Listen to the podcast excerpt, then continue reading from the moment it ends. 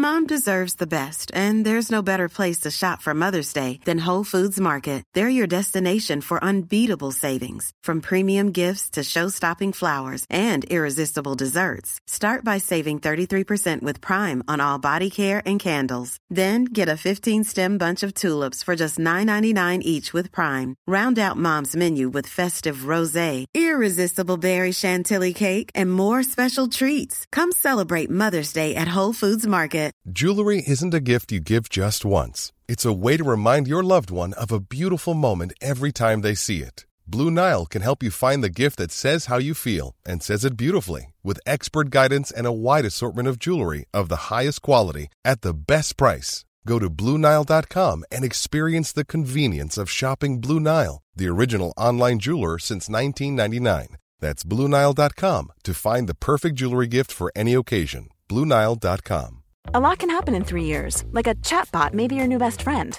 But what won't change? Needing health insurance. United Healthcare Tri Term Medical Plans, underwritten by Golden Rule Insurance Company, offer flexible, budget friendly coverage that lasts nearly three years in some states. Learn more at uh1.com.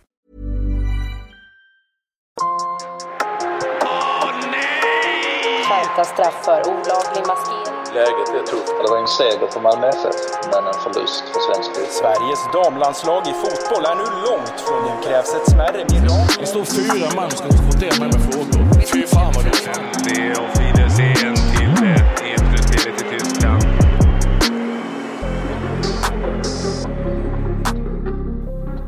Blågul framtid om krisen i svensk fotboll. Avsnitt 8 om supportrar.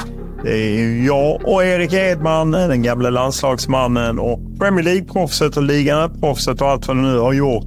Det är vi som gör en serie om svensk fotboll, tar upp olika delar och eh, menar, du har ju upplevt det mer än jag när du har spelat. Ja, du har ju varit i AIK till exempel och HIF och liknande. Haft supportrarna både med och mot. Och hur, hur är det som spelar? Hur mycket spelar de roll? Och har de en faktor i om det går lite knackigt? Men det är klart eh, de har. Eh, sen tycker jag väl ändå som spelare lyckas man ändå skärma av det ganska så bra i stora delar. Det är mer som beslutsfattare, som klubbledare, där du blir mer utsatt för den här pressen och trycket. Därför ska det bli otroligt intressant att lyssna på två klubbledare inom svensk fotboll som verkligen fått bekänna färg under det här året som passerat. Ja, eh, för att vi är ju alla ense om att långsiktighet och kontinuitet är bevisade framgångsfaktorer och att det kan vara svårt ibland för föreningar, framförallt i storstäder. Jag tycker man kan jämföra Elfsborg och Borås där det är lite lugnare och Blåvitt i, i Göteborg exempelvis. Så att det är ju det vi är ute efter. att eh, eh, Kanske inte hitta de givna svaren utan mer eh, nyansera diskussionerna och debatterna om eh, supportrarna. För alla är ju ensamma om att de har en stor positiv kraft men kanske kan de ha en negativ kraft. Det är helt enkelt blågul framtid. Om krisen i svensk fotboll, detta är avsnitt 8. Har ni inte hört de tidigare avsnitten så ligger de på alla möjliga poddplattformar och eh, Fotbollskanalen hittar man dem också. Så att det finns mycket att ta del av om man inte har hoppat in redan nu. Och vi vill gärna höra era synpunkter och tankar. Vi kommer göra något slags eh, Ring P1-liknande eh, avslut framöver. Så har ni frågor och tankar och sånt så skicka in ett ljudklipp så kommer vi ta in det och så kör vi en eh, slutvända precis före jul. För nu matar vi på måndag, onsdag, fredag, måndag, onsdag, fredag eh, helt enkelt. Så att eh, vi startar upp avsnitt 8 med Sufatas påverkan och har med oss Håkan Mild, Fredrik Söderberg från eh, IFK Göteborg och AIK respektive. Och så Tony Ernst eh, som tidigare var svensk eh, supporterunions ordförande. Nu faktiskt jobbar för supportrar ute i Europa. Så att det är bara att hänga med och lyssna så ska vi få se eh, och, och vi kan lära oss en hel del. Den största utmaningen för en klubbdirektör i Allsvenskan är nog att försöka stå pall och tänka långsiktigt även när det blåser som hårdast. Håkan Mild är idag klubbdirektör i IFK Göteborg. Laget gjorde en svag säsong i Allsvenskan, vilket innebar att Mild flera gånger konfronterades av rejält förbannade supportrar efter matcher. Det hände i mars efter utskåpningen mot Norrköping, det skedde efter förlusten mot Sirius i juni och det skedde igen efter nederlaget mot Varberg i juli. Som spelare har Håkan Mild tagit ett VM-brons med landslaget och vunnit fem SM-guld med Blåvitt under storhetstiden på 90-talet. Han har också varit sportchef i klubben i över tio år.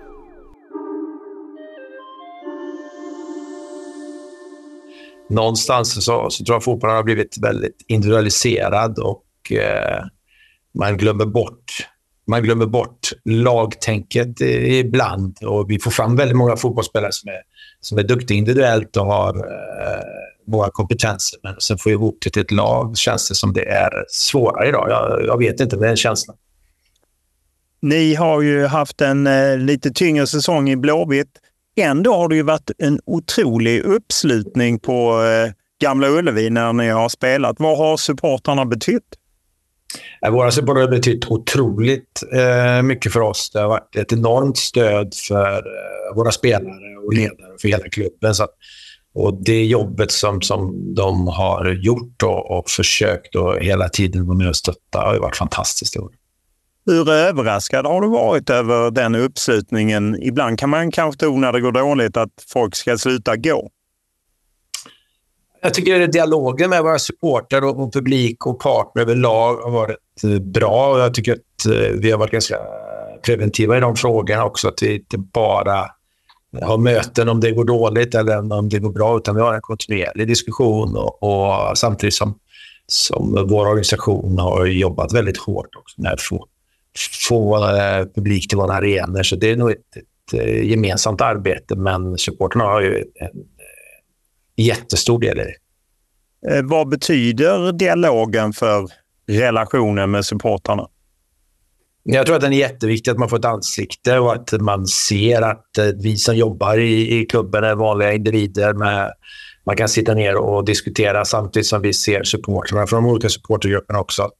Också människor och inte bara stå på läktaren eller har andra åsikter, utan man får en annan, en annan bild av varandra och, och kanske inte alltid har, tycker samma sak, men man kan ändå ha respekt för varandra eh, när man har de här mötena. Så jag tycker det har varit väldigt positivt. Hur upplever du eh, arbetsmiljön för en klubbledare idag jämfört med när du började för ett antal år sedan? Alltså, det var inte så att det inte fanns sociala medier, men inte på samma sätt. Så att idag tycker jag väl att, att det är väldigt enkelt att tycka massa saker som får fäste någonstans och så behöver det inte alltid vara sant. Och så börjar det blåsa upp och så börjar man diskutera det och så kan man kanske sitta in i en podd och så blir det en annan fråga. Så det är eh, mer utmanande att vara ledare idag. Hur förhåller du dig till det och hur förhåller sig Blåvitt till den vad ska man säga, nya situationen? Nej, men jag tror att det är viktigt att man försöker vara eh, så transparent som möjligt. och Det är fler människor som jobbar inne i, i klubbarna också för den delen. Så att man, eh, hela tiden försöker man ju eh, vara så bra som möjligt och ha en organisation som, som tacklar de här frågorna då när det kommer så att man är så väl förberedd. Men ibland så är det ju naturligtvis, kan det vara svårt. Vi jobbar med människor och man kan inte berätta allt och man kan inte vara transparent om allt. Vad är baksidan? Vi ser ju ändå allt från att Marcus Berg blir utskälld av supportrar eh, direkt efter en match och banderoller och det kan vara supportrar uppe eh, och markera på en träningsanläggning. Hur upplever du den baksidan? Den är ju väldigt speciell ur ett fotbollsperspektiv. Det är väldigt sällan eh, med andra verksamheter. Det är väldigt sällan någon kommer upp och, och ska läxa upp oss eller något sånt. Eh, sen är det ju en del av supporterkulturen och kan man ha eh, den på ett, ett sätt som är på något sätt eh, någorlunda organiserad så, så visst, det kan ju ge energi men det kan också ge en viss rädsla säkert. Men har man den under någorlunda organiserade former så är det väl en, en, del av det. Och att det finns ett sånt engagemang och då blir det också frustration och så får man får man hantera det. Det får aldrig gå överstyr och det får aldrig bli hot eller något sånt. Men fotboll engagerar så otroligt och det är en känslostyrd verksamhet. Och är det så att man inte tror att det ska vara det, nej, men man är fel bransch. Men, men det behöver vara någorlunda sofistikerat och organiserat när man har de här diskussionerna. Helt klart. att, att Marcus Berg, nu var jag med de gångerna, det är inte speciellt, det är inte speciellt trevligt, men det brukar i alla fall ha varit det de senaste åren. Med tanke på att vi har haft våra möten med supporter, uh, olika supporterorganisationer, alltså, så brukar det ändå sluta i någorlunda dialog som har varit okej. Okay, men det är än en gång, det får aldrig gå överstyr. Måste man ens uh, gå bort till supportrarna efter en, en dålig match då, och låta dem komma till tals? Inte varje gång. Absolut inte. Men i, ibland så tror jag att det är ur ett, ur ett annat eh, perspektiv också. Att det lugnar och att eh, det blir en, en, en, bättre stämning efteråt med mera så att man kan gå dit och, och ha vissa... Alla är ju inte står och skriker. Alla är ju inte helt eh, obstinata. Det finns ju även de som är eh, vettiga. De flesta är vettiga. Men eh, visst, det är ju den ständiga frågan. Ska man gå dit bort varje gång? Och det håller jag, tycker jag verkligen inte att man ska göra varje gång. Ni har ju på ett, på ett sätt har ni lite samma situation som United har med Keane, Scholes och Neville som sitter och tycker massa om United. har ju ni samma med Tobbe, Bjärsmyr och Wernbloom. Hur förhåller man sig som förening och även då klubbledare till det oavsett om de har rätt och fel i sina åsikter? För någonstans så skapar de ju en opinion. Det är ju helt otroligt att du jämför eh, Scholes med Tobbe och Bjärsa och Wernbloom och med alltså Keane det är fantastiskt. Det är ju faktiskt verkligen att, att uppfölja de här tre pojkarna. Eh, så att nu kommer de vara grymt högfärdiga. Alltså, de sprider ju engagemang det också och sen så har jag noll problem med att de eh, tycker och, och, och tänker. Men eh, nej, jag, jag har noll problem med Reons ärlighet. Det är ju tre killar som jag känner sedan så lång tid tillbaka så att man får, man får ta det med en nypa salt. Jag har faktiskt aldrig... Jag, eh, jag har ju hört Bjärsa och Tobbe och, och Wernbloom prata med dem massa gånger, men jag har aldrig lyssnat på deras podd. Så jag kanske inte ska göra det när du säger det. Nej, men jag tänker, även om du som klubbledare har den erfarenheten och varit med när det blåst innan. Hur, jag tänker, någonstans så påverkar det kanske andra inom föreningen på ett eller annat sätt. Men det tror jag det är, en, är en, också en anledning idag som gör att det kanske skapas oro och eh, det blåser lite i de större föreningarna. För att våra organisationer har ju växt och vi har blivit större och det är fler människor som, som är inne i våra klubbar också som, som kanske inte har så stor erfarenhet av hur det var eh, att vara i en fotbollsklubb där eh, alla tycker och tänker. Man kanske inte har varit på en sån arbetsplats förut heller. Så, Eh, det är ju någonting som vi behöver utbilda alla som jobbar hos oss i. Att eh, stå med båda fötterna på, eh, på jorden och kanske avvakta lite grann och inte följa med alla strömmar, utan man behöver verkligen och, och ha en lugn.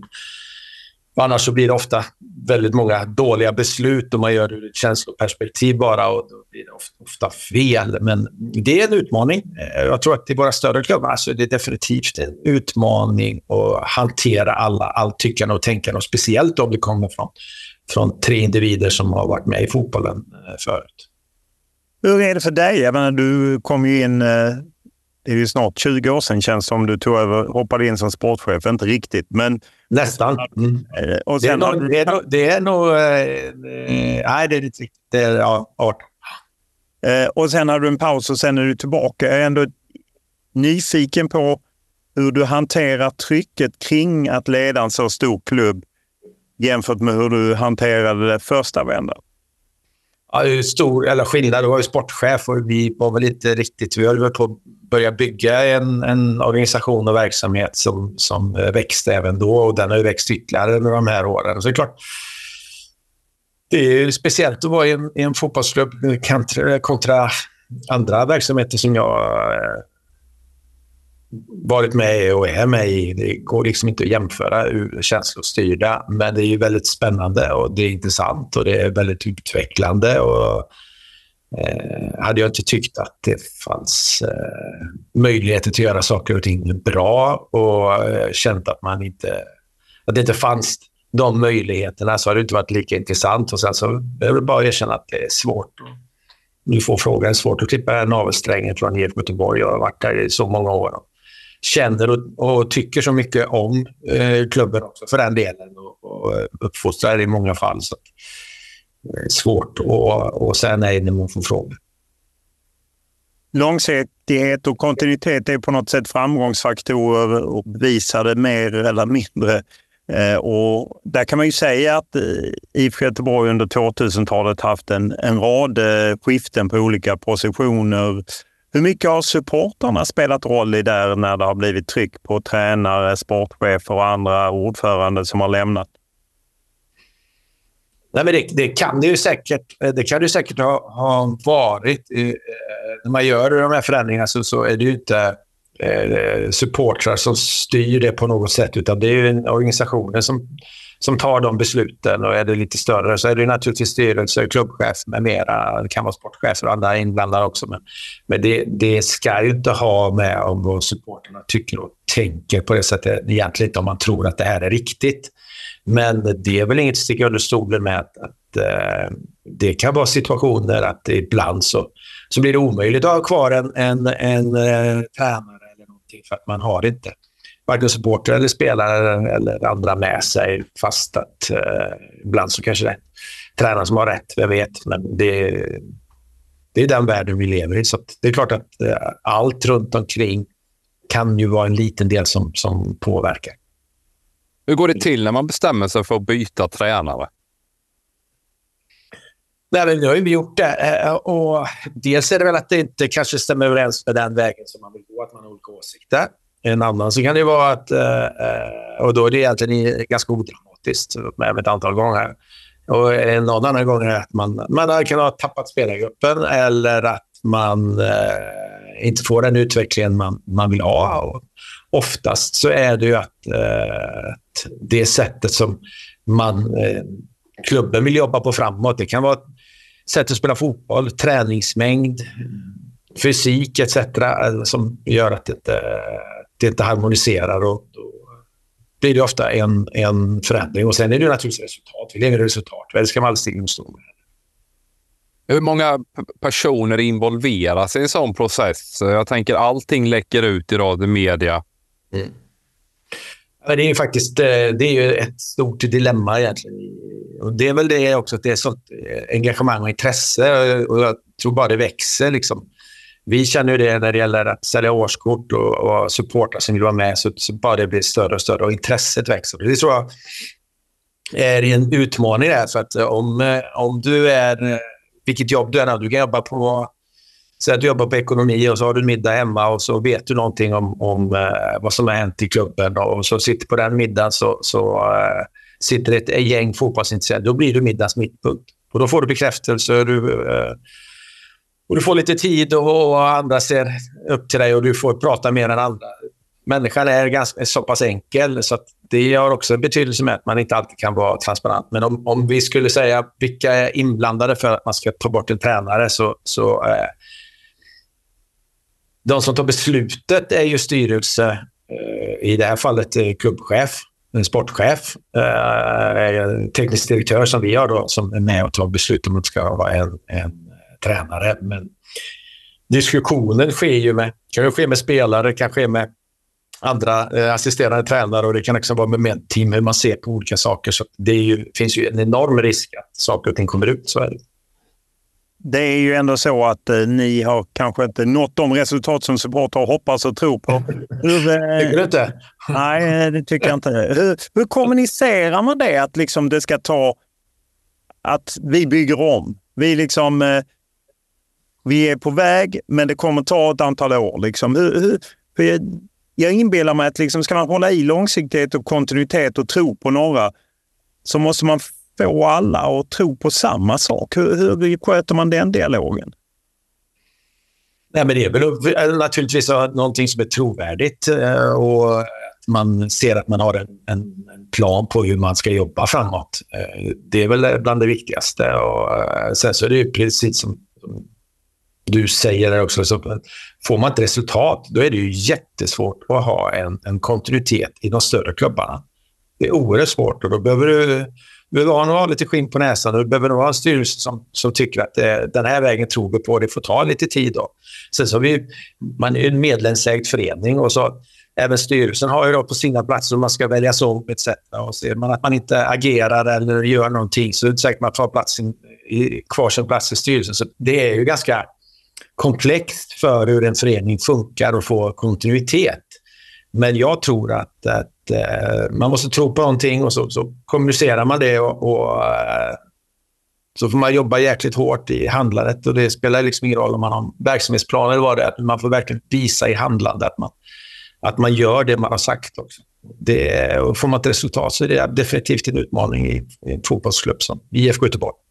Skulle du vilja ha längre mandatperioder på styrelseposterna? Jag tänker exakt samma som som när regeringen tar över. De hinner knappt sänka bensinpriset innan det höjs igen för den nya regeringen kommer och så vidare. Att man hinner liksom inte implementera saker och verkligen sätta grejer.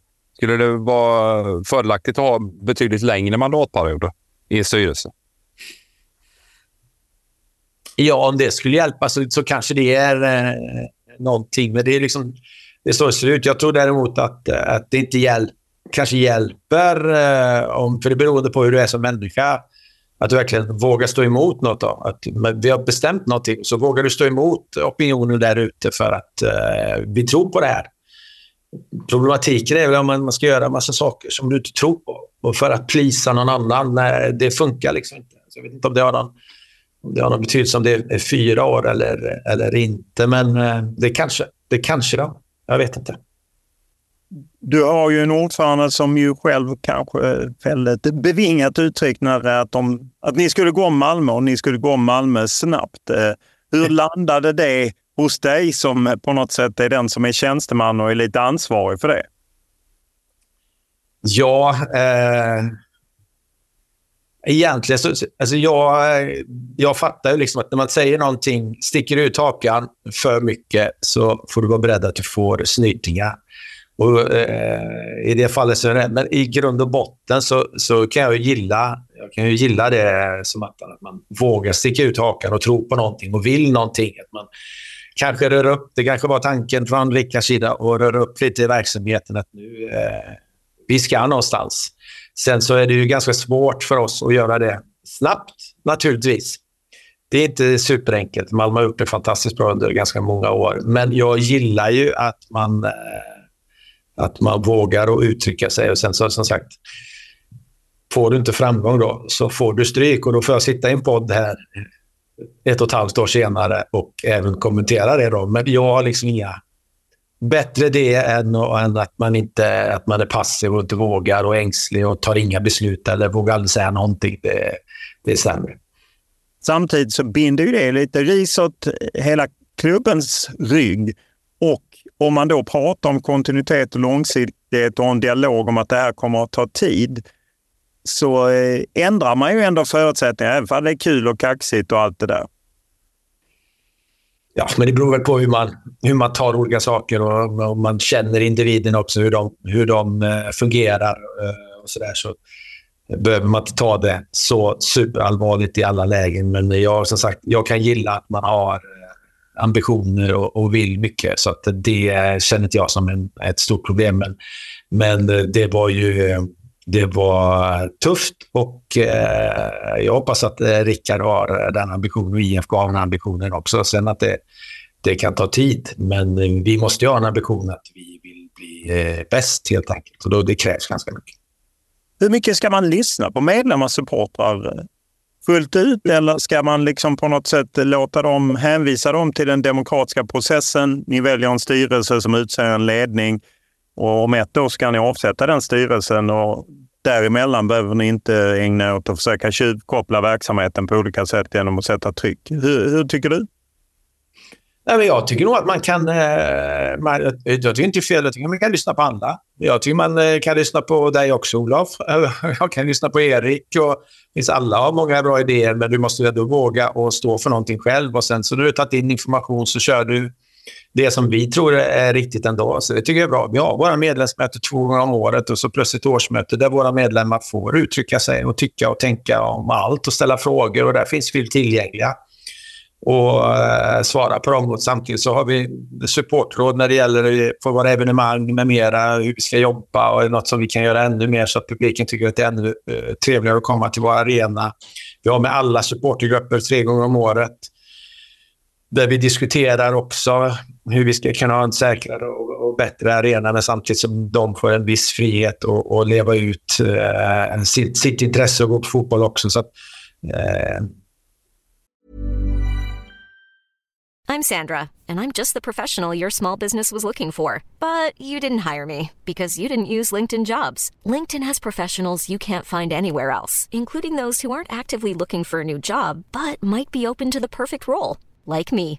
In a given month, over 70% of LinkedIn users don't visit other leading job sites. So if you're not looking on LinkedIn, you'll miss out on great candidates like Sandra. Start hiring professionals like a professional. Post your free job on linkedin.com/people today.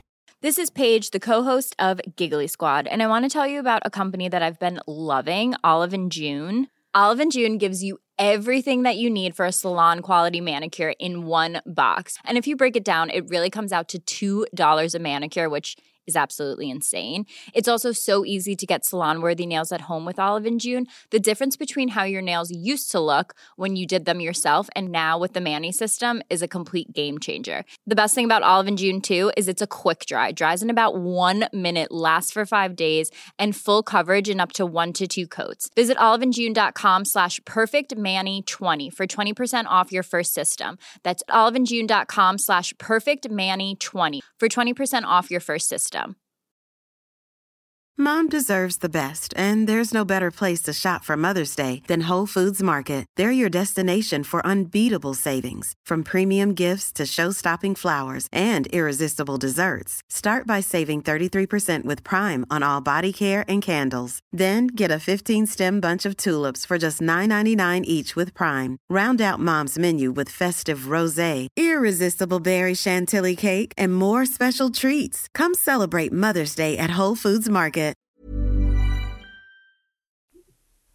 Jag tycker väl det är ganska fint eh, ur ett svenskt fotbollsperspektiv eh, ändå. Men det är klart att det, det kan ju vara lättare att vara en dansk klubb som har en ägare som, som sitter där och är långsiktig och, och driver sin tes på hur det ska vara. Det kan säkert vara enklare, men jag tycker att vi har rätt. Föreningsdemokratin är, eh, är svår. Det behöver inte betyda att det alltid blir rätt, men jag tycker att den är fin på något sätt.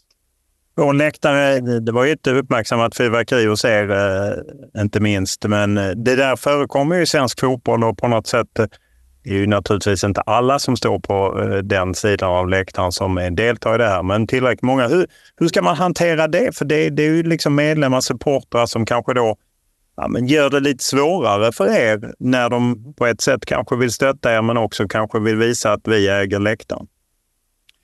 Ja, jag tror att eh, det bör, finnas direktiv på vad som är okej okay och inte eh, okej okay, och så får man förhålla sig till det. Eh, och Det har väl varit en lite svårighet i år kanske att veta vad är det som, vad är det som gäller på riktigt. Så det tror jag att svensk fotboll tillsammans med, med supportrar, klubbar, elitfotboll, svensk fotboll överlag behöver ta en stor diskussion om att så här är det. För att vi måste ha säkra evenemang och arrangemang och så ser man ur ett större perspektiv, eh, ett mer, eh, ett mer eh, internationellt perspektiv och ur säkerhetsfrågor så måste vi, måste vi bara veta att vi kan ha säkra arrangemang. Så jag tror att frågorna kommer att växa inför 2024 och där måste vi vara en del av det och ta vårt ansvar. Så mm, jag tror att, och det måste även supporterna vara med och ta ett ansvar och förstå vilka, vad det är som krävs av oss som klubb och som de som supportrar.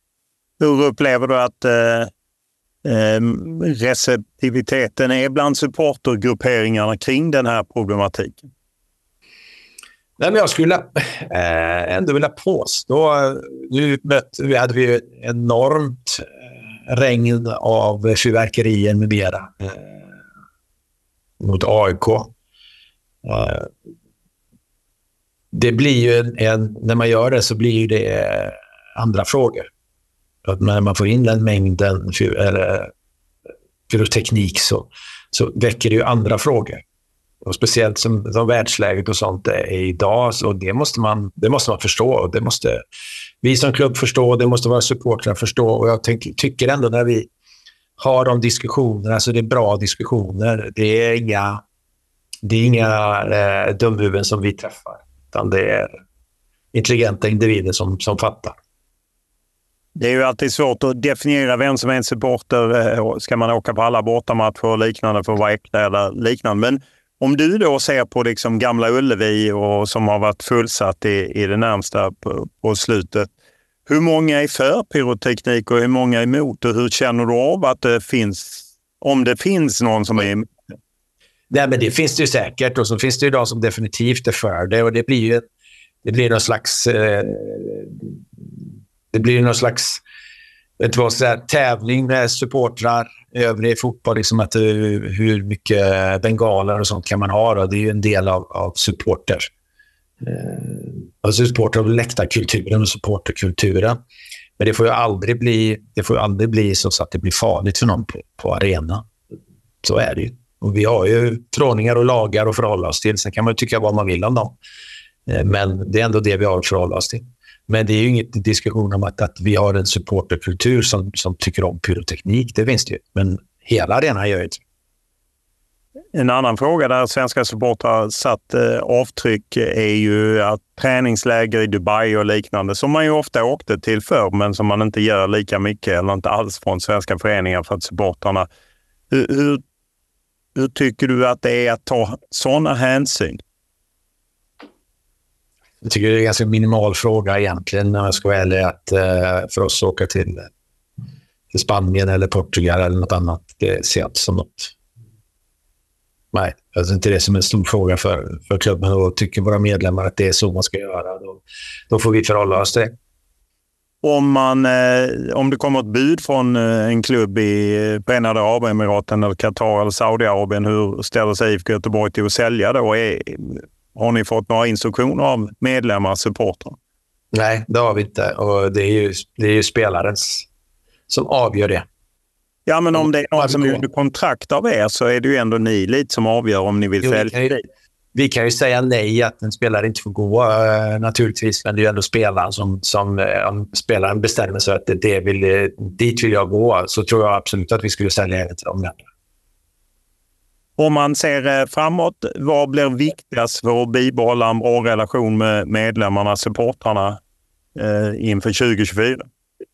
Jag tror att den, den dialogen som vi har haft hela tiden eh, tror jag är jätteviktig. Sen, sen om, om jag sitter som klubbchef eller om Ola är eh, teknisk direktör eller Magnus och så som är kommersiell chef, det är mindre eh, viktigt. Jag tror att den, den dialogen, att man fortsätter och skapar förståelse för verksamheten och vilka frågor vi står inför, både när det gäller legalt och, och andra saker så tror jag att det är absolut den viktigaste framöver. För att vi, de flesta vill IFK Göteborg väl och vi har kanske olika vägar dit, men, men de flesta vill IFK Göteborg väl. Så har vi bara en, en vettig dialog så, så tror jag att det är vägen. Den kommer inte vara spikrak långt ifrån och det kommer vara hinder på vägen också. Men, men jag tror att det är det sättet som, som vi ska ta oss fram tillsammans.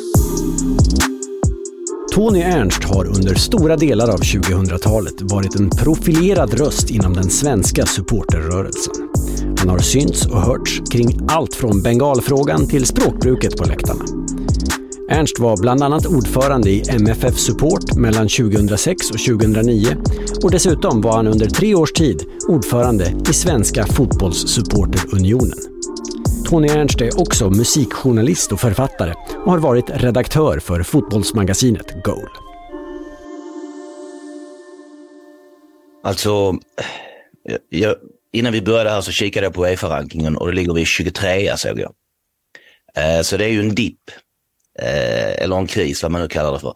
Men jag tycker ändå att, alltså när Sverige var som allra bäst Eh, på 90-talet så berodde det egentligen bara på en enda sak och det var att IFK Göteborg härjade i Champions League. Det var inga andra svenska klubbar som gjorde, som gjorde resultat och, och eh, hämtade in poäng. Så att jag tycker kanske det har spridit sig lite grann, även om man kanske hade önskat sig ännu lite mer. Men Malmö har gjort det bra, Djurgården gjorde det jättebra i fjol. Jag hade nog tänkt mig att Häcken skulle göra bättre ifrån sig i år. Så eh, det finns något där tycker jag. Svenska klubbar liksom ta sig till gruppspel och sen blir det kanske inte riktigt som, som man hade hoppats. Men ehm, eh, jag väljer nog att se det som en svacka än, än en stor kris. Du har ju ett långt förflutet som supporter och varit engagerad i MFF Support, Svenska Fotbollssupporterunionen. Nu engagerad i den europeiska delen. Eh, vad är det du exakt gör för Europas supportrar? Ja, vi, vi heter FSI, Football Supporters Europe, och är sedan i mars eh, någon form av officiell representant för supportrarna för Uefa. Vi skrev under någonting som så fint heter på det där lingot, eh, Memorandum of Understanding tillsammans med Uefa. Eh, så vi representerar supportrarna i allt som rör supporterfrågor med Uefa. Vi sitter med i en del av kommittéerna de har. Eh, ständigt på möten med dem. Vi har, driver en eh, eh, något av det viktigaste vi gör är när de har sina eh, europeiska kupper och Uefa så har vi borta support och enkäter som alla fyller i. Eh, sen kopplar vi tillbaka till Uefa och säger vad som inte fungerar. Det kan vara allt från stora frågor till mindre. En av de sakerna vi har drivit igenom senaste året är att det numera finns eh, såväl eh, dörrar och lås på, på toaletterna på bortasektionen på San Siro. Och det kan man tycka att det borde ha funnits innan vi påpekade, men nu är det i alla fall åtgärdat. Um, men vi, vi har liksom flera olika ben vi står på och ett av de benen är SLO-rollen som vi eh, driver för Uefa. Så där jobbar jag på SLO-avdelningen hos oss och vi är två stycken och den andra är Lena Gustafsson Wiberg. Och hon var ju eh, satt i SFSOs styrelse i alla år med mig. Du känner säkert igen henne Olof och eh, hon är fortfarande SLO för Djurgården. Så vi håller i eh, ja, dels allmänt information eh, till alla 55 eh, Uefas eh, nationer och så driver vi tillsammans med Uefa Academy utbildningarna för SLO. Om man ser till eh, den förvandling du var med i, det var ju främst du och eh, Lars-Christer Olsson eh, som ju blev ordförande för Svensk Elitfotboll från 2012. Men det var ju dina konversationer med honom som på något sätt gjorde att supportrarna fick en stark, eh, starkare inflytande i svensk fotboll och att man lyssnade på dem. Det ju, låter ju rätt unikt på ett sätt att Uefa, som ju innan kanske inte lyssnat mycket på supportrar, faktiskt tagit in er, eller? Ja, men det, egentligen är det helt absurt att, att nästan alla andra parter i, i, i det här har, har funnits med när Uefa har suttit ner. Eh, sponsorerna, spelarna, klubbarna, ligorna. Men supportrarna har inte varit där. Um, och det är ändå de som, det är vi som är liksom hjärtat i, i, i fotbollen. Men lite grann också, och det sa jag redan när vi började med det här i Sverige, har man sig själv att skylla för att supportrar har haft svårt att enas. Eh, om man då är rivaler eh, så ska man sitta ner tillsammans. Eh, men där är vi nu, i, där har vi varit ganska länge i Sverige som du sa och där är vi nu också i Europa faktiskt. Mm det går trögare på vissa områden när det kommer till vissa frågor. Eh, Uefa är en ganska stor koloss. Eh, men jag tycker att från min synvinkel så är det så här att, att det går i alla fall framåt. Sakta, eh, på, på många sätt och vis. Men, men, men det går tillräckligt mycket framåt för att jag ska tycka det är värt att arbeta med det. Känner du att de lyssnar på er eller har de tagit in er för att man, man känner sig tvungen att, att göra det? Ja, men alltså, det, till att börja med så var det nog så att det var lite grann av varje. Alltså, eh, Uefa insåg nog att vi, vi måste ta in supportrarna och lite pliktskyldigt lyssna på vad de säger. Men eh, i många frågor tycker jag att att, eh, att de faktiskt lyssnar på riktigt. Och SLO-frågan är en sån sak. Det drevs ju igenom 2011 Eh, som ett licenskrav i de europeiska kupperna. Men där har man nu verkligen gått fullt ut och liksom stöttar den här rollen. Eh, erbjuder utbildning, ehm, trycker liksom på för att de enskilda nationerna också ska, ska tycka att det här är viktigt och, och eh, har fått med sig många klubbar på det. Så att, ehm, det började nog lite grann som du sa, med pliktskyldigt, vi får väl lyssna. Men idag tycker jag att det är, på många håll är det faktiskt eh, en annan klang. Vi pratar ju mycket om, eh, om svensk fotbolls utmaningar och om det är kris eller ej kan man ju alltid diskutera. Men det är ju uppenbart när man ser på de klubbar och föreningar i Sverige som har många supportrar att de kanske ibland har svårare att få till den här kontinuiteten. Eh, Malmö FF har ju haft samma ledare, men om man tittar på IFK Göteborg, ständigt skifte, ofta i 08-klubbarna också, att, att eh, supportrarna kan vara en, eh, ja, en faktor där. Hur, hur mycket tycker du att supportrarna har ett ansvar för att greppa långsiktigheten? Eller får man köpa att de vill ha resultat? Ja, men alltså, jag, jag vet inte om man ska börja med den här frågan. Dels är, det, dels är hela fotbollsapparaten så komplex att, att det finns så många olika infallsvinklar. Men, och sen tycker jag också att det har skett någonting de senaste 10-15 åren som gör att fotboll har liksom blivit helt överlägsen alla andra sporter. Det är ju kung fotboll. Det, det, det är fotboll överallt, alla är intresserade av fotboll. Eh, alla har någon form av ehm, eh, intresse av det. Så att det gör att själva trycket på de som ska leda föreningar framåt, eh, inte bara för de aktiva supportrarna som antingen går på medlemsmöte eller årsmöte eller går på matcher, utan även liksom från, ja, men från media, från, från vanligt folk. Um, och, och, och, det, och det är ju bra egentligen, att fotbollen är så intressant för så många. Men alltså, vi har ju demokrati inom fotbollen i Sverige och där är det ju såklart en massa rättigheter.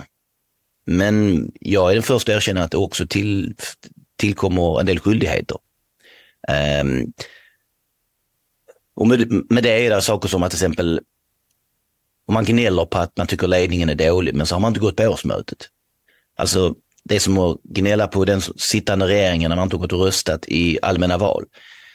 Det gäller liksom inte riktigt.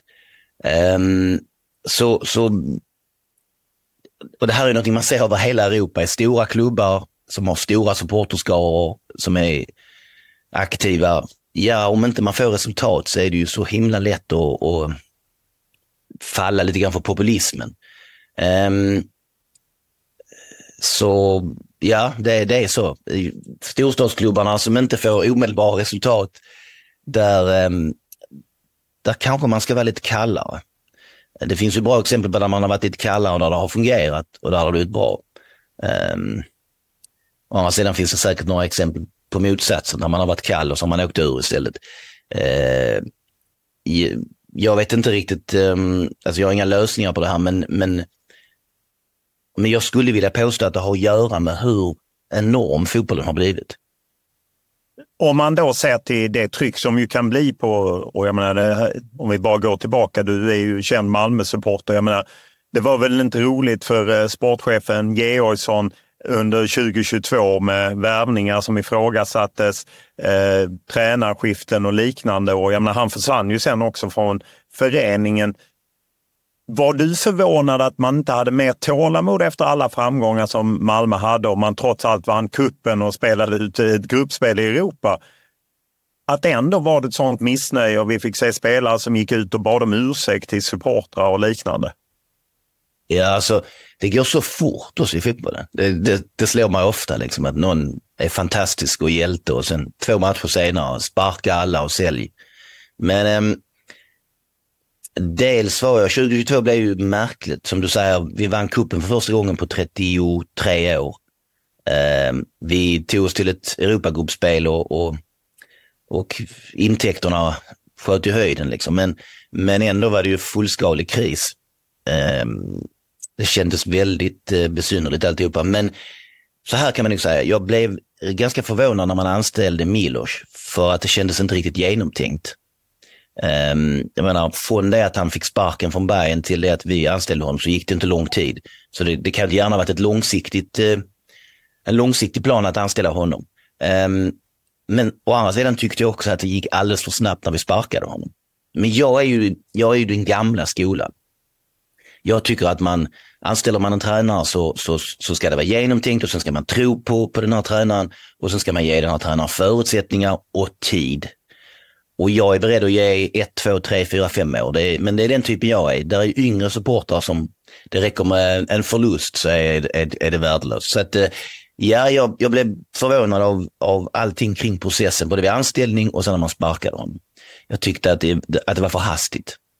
Hur ser du på det som vi ser mer och mer i svensk fotboll, som åtminstone inte jag upplevde förr i tiden? Att man efter en förlust ska man gå ut och kanske gå och prata med supportrarna, man ska be om ursäkt.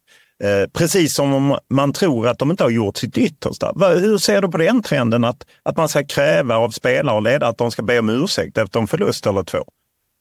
Ja, det, återigen så är jag alldeles för gammal för det där. Det är liksom inte min, eh, det är inte min grej alls. Jag, jag jag står alltid kvar och applåderar oavsett hur det har um, sett ut. Men sen kan det liksom vara lite, på något vis får jag känslan av att det lite grann beror på vad det är för stämning rent allmänt i klubben. Ehm, man ser på IFK Göteborg i år till exempel som hade ett sånt bedrövligt år och då, då blir det liksom den här nedåtgående spiralen, det blir för mycket för folk då. Vi hade ju någon period i år när det gick dåligt. Ehm, vi förlorade borta mot Elfsborg där i samband med att AC försvann och så.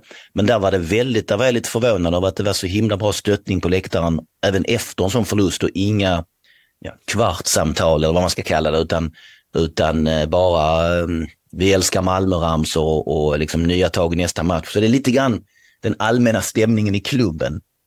Har man framtidstro eller inte och man kan fortfarande ligga i mitten eller botten men om man känner att den här klubben är på väg någonstans. Jag tror att man måste se det liksom mer sammantaget. IFK Göteborg är väl ett bra exempel. Dålig ekonomi, urusla värvningar, tränaren sparkas. Eh, var det precis innan allsvenskan startade? Jag kommer inte ihåg. Ja, det var efter kuppspelet. Efter, efter kuppspelet, ja. Eh, ingen tränare i, i, under halv... Alltså, då blir ju supportrarna... Finns det, ingen, finns det ingen som står vid rodret här, eller vad, vad är det som händer?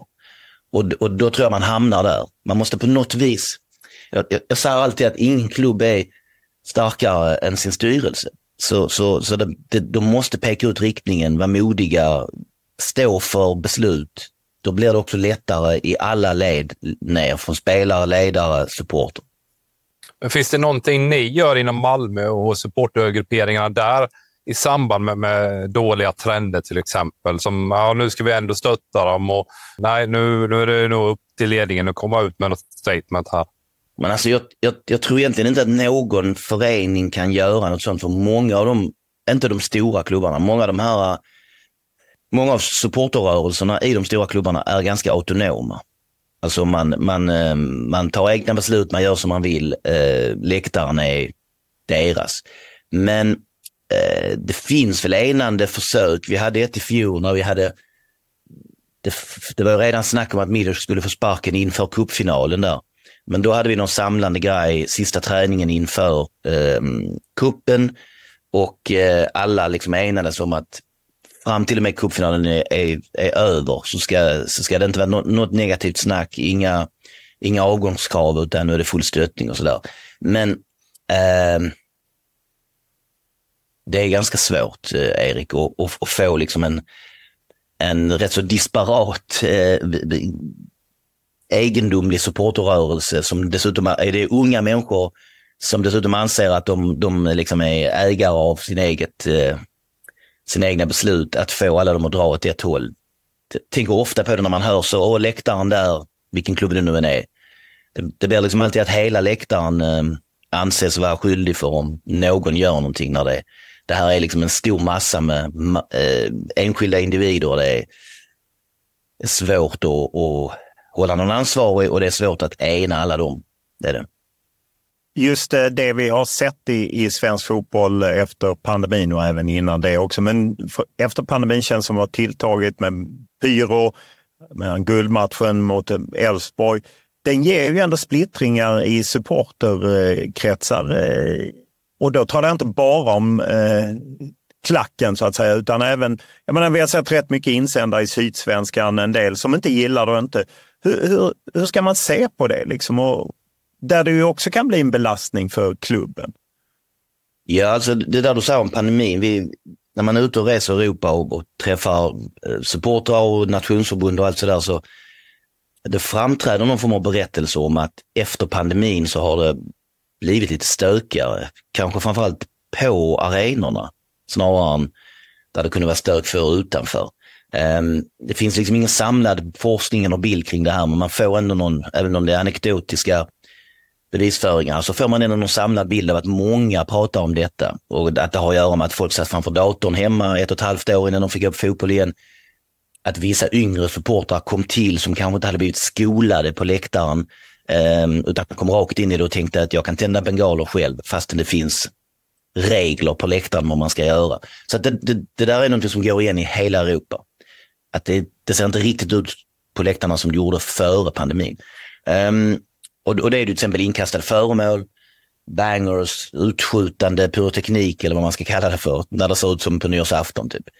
Um, och det är ju ett problem. Um, och det kommer att bli ett ännu större problem.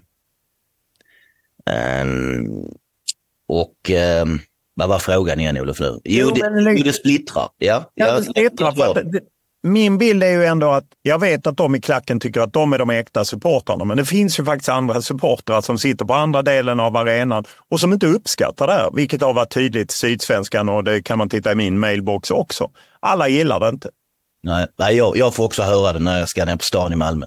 Eh, fast jag inte har någonting med, med MFF Support eller Malmö FF att göra längre. Så. Eh, nej, så, så är det. det. det. har blivit liksom lite mer eh, kaotiskt inne på, på arenorna. Um, och det tror jag är någonting som vi supportrar helst ska försöka lösa innan någon annan löser det åt oss på ett mycket sämre vis. Du, du hör att jag försöker vara ganska diplomatisk och politisk i mina svar här. Um, för jag är ju en aktiv supporter som ser i princip alla matcher med mitt lag, fast jag är så här gammal. Um, och jag uppskattar verkligen svensk supportkultur. Men det är ju naturligtvis inte så att allting är fantastiskt, utan här finns ju problem. Och jag är liksom alltid rädd för att om inte vi själv gör någonting åt det så kommer någon annan att göra det och det de gör kommer att bli sämre. Och det är i många länder i Europa så har, ju, har man inte gjort någonting åt det själv inom supportergrupperna. Och då har man ju löst det genom att till exempel det blir inga bortaresor. Um, det krävs en form av ID-handlingar för att gå på match. Ja, åtgärder som vi inte ska komma nära i Sverige tycker jag. Men då kräver det liksom också att supporterrörelsen själv um, ja, men är, ligger lite i framkant och kanske inser att fan, det här med att kasta in bengaler på plan, det kommer vi inte att tjäna på. Um, nu är det inte så att, jag, jag, jag såg någon statistik nyligen när vi hade SLO-utbildningen för de svenska SLO-erna uppe i Stockholm och då såg vi um, Eh, incidenter på läktaren. Vi är ju fortfarande ganska förskonade i Sverige, framförallt jämfört med i, ute i Europa. Um, men um, det är ändå viktigt att, att på något vis eh, säga stopp innan någon annan säger stopp. Och, och, och, nu låter det som att jag var kritisk mot den samlade svenska sportrörelsen. Det är jag såklart inte, för jag tycker att SFSU fortfarande gör ett bra jobb. Jag tycker Isak är en utmärkt ordförande och man syns. Och samarbetet med SEF är jättebra. Men eh, jag är det är det du, vill, det är det du är ute efter och, och du har rätt. Jag är lite orolig för att det ska komma inskränkningar som jag inte vill. Om vi tittar just på föreningar, hur, hur mycket ska man lyssna på medlemmar, supportrar? Du har tidigare pratat om skyldigheter. Är det liksom, ska man bara lyssna på de medlemmar som kommer på ett årsmöte? Det är på något sätt de som uppfyller sina skyldigheter, de har också rättigheter. Nej, alltså då måste man dela upp det här. Styrelsen um, på ett årsmöte ska naturligtvis följa de beslut som fattas av medlemmarna på årsmötet. Ingenting annat. Inte om någon, någon skriver en insändare till Sydsvenska men inte medlem. Det, det kan liksom inte styrelsen fatta beslut efter.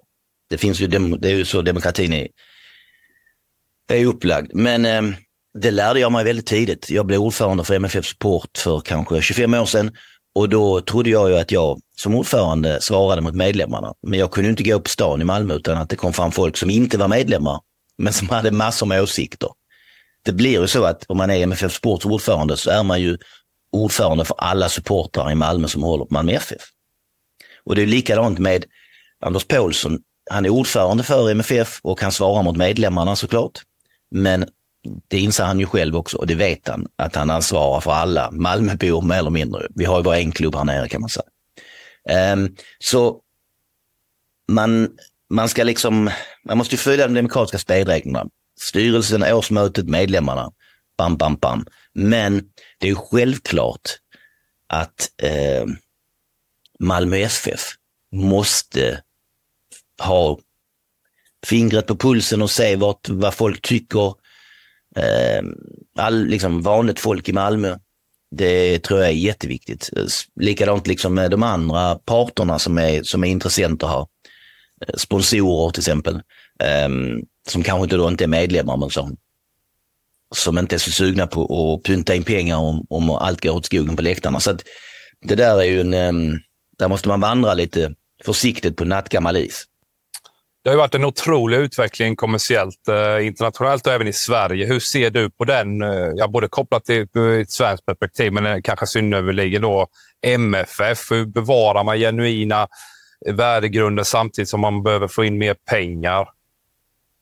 Alltså, eh, för mig, Erik, så är det där den absoluta knäckfrågan. Egentligen tycker jag den enda frågan som finns kvar för mig som jag inte riktigt har fått ett svar av mig själv på. Nämligen, som du säger, jag vill att Malmö FF ska vinna. Jag vill, jag vill att vi ska vara tillräckligt bra för att kunna konkurrera ute i Europa. Kanske inte på den allra högsta nivån i Champions League, det har vi sett, det är kanske lite för högt. Men vi vann vår Europa League-grupp för några år sedan. Det, det börjar jag tycka är en nivå som vi möjligtvis skulle kunna nå då. Um, vi ska vara attraktiva, kunna köpa bra spelare, ska vara fullsatt på läktarna och så vidare. Och samtidigt, som du säger, ha kvar den demokratiska processen med årsmöten där alla medlemmar känner sig sedda och välkomna. Det är det, är liksom, det är det svåraste av allt, tycker jag. Hur hittar man det här? Klubben ska drivas som ett företag så att vi blir så framgångsrika som möjligt, men samtidigt vara en mysig medlemsdemokrati där, där, där vi följer liksom alla spelregler som, som demokratin har. Alltså det är jättesvårt. Finns det något konkret exempel där, du, där man har varit vid någon form av vägskäl inom MFF där du, har tagit, där, de, där du tycker att de har tagit en positiv eller negativ riktning i endera hållet? Som du kan peka på? Ja, men alltså vi, de exemplen jag har kommer nog före vi blev riktigt eh, rika. Eh, när vi byggde nya arenan till exempel så var ju supportrarna med hela vägen. Eh, ståplatssektionen bakom mål eh, kom ju till för att supportrarna tryckte på. Det är ett exempel. Eh, men det är ju inte förrän efter 2014-15 som vi börjar få, få eh, en annan sorts ekonomi. Men jag tycker, jag tycker Malmö har och, det är väl så med de andra klubbarna också, men Malmö är väl exemplet för vi har väl snart en miljard på banken kan tro. Ehm, det är fortfarande en, en medlemsförening. Det är fortfarande så att träningarna är öppna. Eh, precis bredvid stadion. Kidsen kan gå dit. När träningen är över så är man välkommen att ta foto med spelarna och få autografer.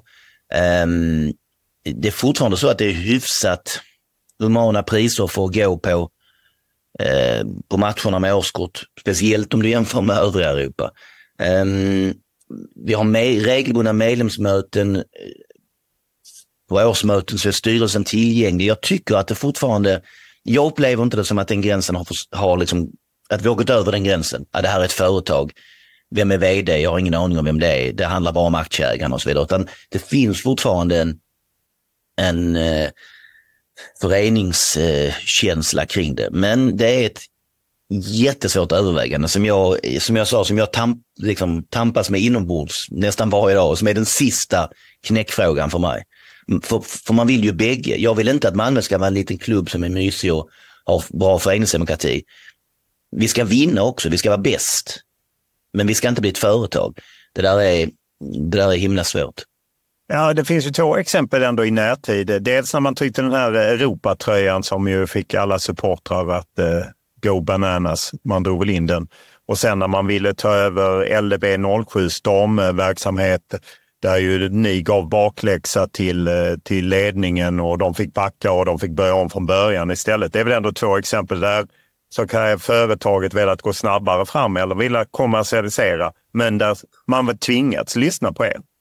Ja, det har du rätt jag, jag vet inte varför jag tänkte på det, inte tänkte på det här med damlaget. Men, men eh, tröjor och sånt har jag, alltså jag är inte så intresserad av det, så det har jag sämre koll på. Um, när folk skriker om att den är ful eller den, den är fin så det är, nej, det, det är inget för mig. Men det här med damlaget var ju verkligen en sån sak. Men samtidigt är det ju också kanske lite grann i den där kampen mellan företagandet, ekonomi, liksom pengar på, på bättre spelare, vinna en massa och föreningsdemokratin så ska man nog ha några sådana clashar, några sådana möten där man, där man får, liksom får se vilket vann nu. För det har ju hänt att det andra har vunnit också. Vi går på det här med företagandet och, och, och, och pengar. Men det var ett utmärkt exempel på när föreningsdemokratin satte ner foten. Men det, och då, då var det en del som tyckte och en del där det skrevs att det här var liksom ett nederlag.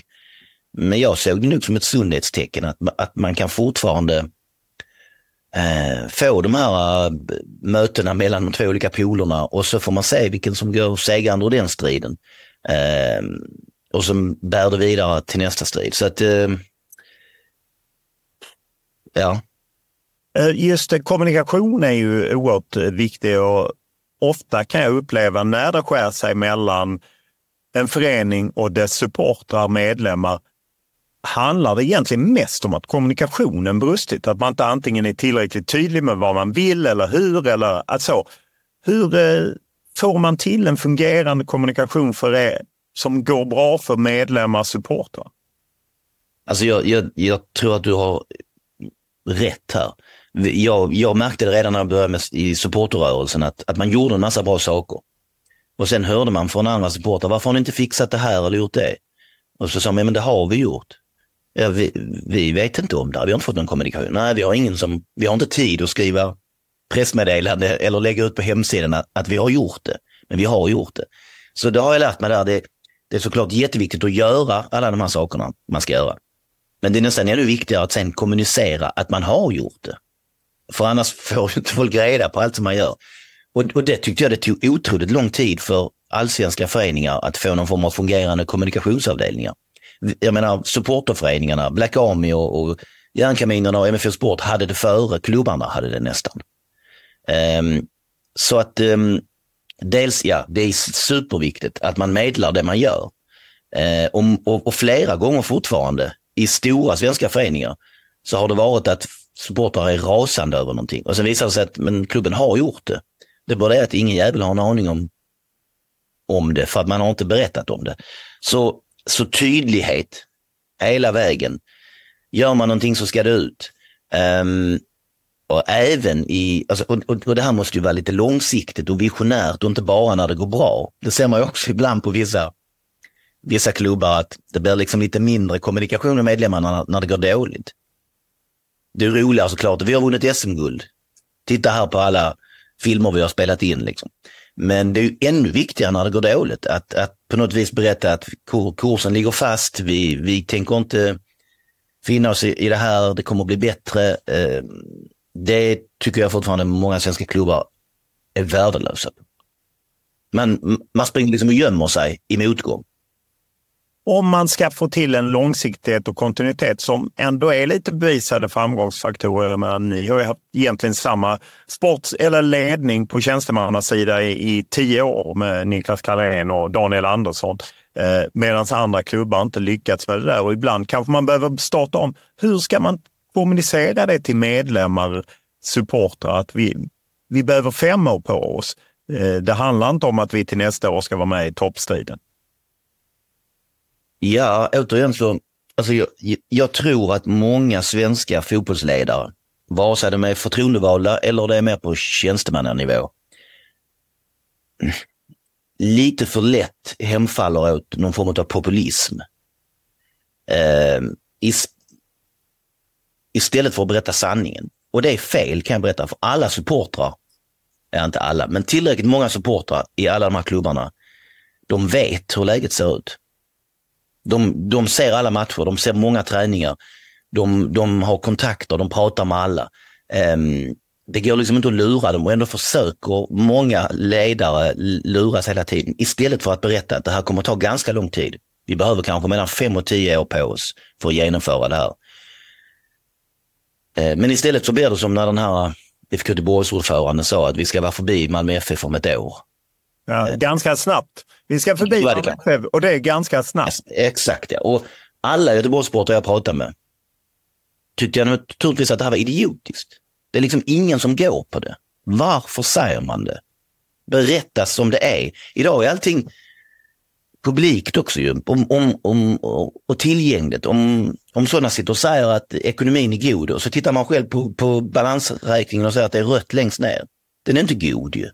Alltså, det framstår som, eh, och jag tror återigen, eh, för att koppla tillbaka till fotbollen, är så stor. Man liksom vill vara en del av det här enorma eh, maskineriet som är fotbollen. Och man vill så gärna då vinna och visa att man är, kan göra något åt det, så att man liksom hittar på. Istället för att säga, ja, ekonomin är dålig, men här är vår plan för att lösa detta. Och som alla förstår så kommer det ta lång tid. Men vi har en idé och så presenterar någon form av vision istället för att säga ja, vi ska bara förbi dem alldeles strax. Det, det, jag tror också att man tänker kanske att supportrar är väldigt kortsiktiga och, och eh, gärna vill bli lurade, men så är det inte. Åtminstone inte i Sverige. Jättemånga supportrar har full koll på föreningen. De vet precis vad som skulle behövas. De vill inte bli pådyvlade lurendrejeri. De, de, de vill ha fakta och, och, och um, korrekta saker. Så att jag, jag, jag tror snarare det ligger på det planet. Att, att liksom fotbollsledare, såväl förtroendevalda som tjänstemän, måste liksom inse att, eh, att sanningen är, är, är nog det viktigaste här.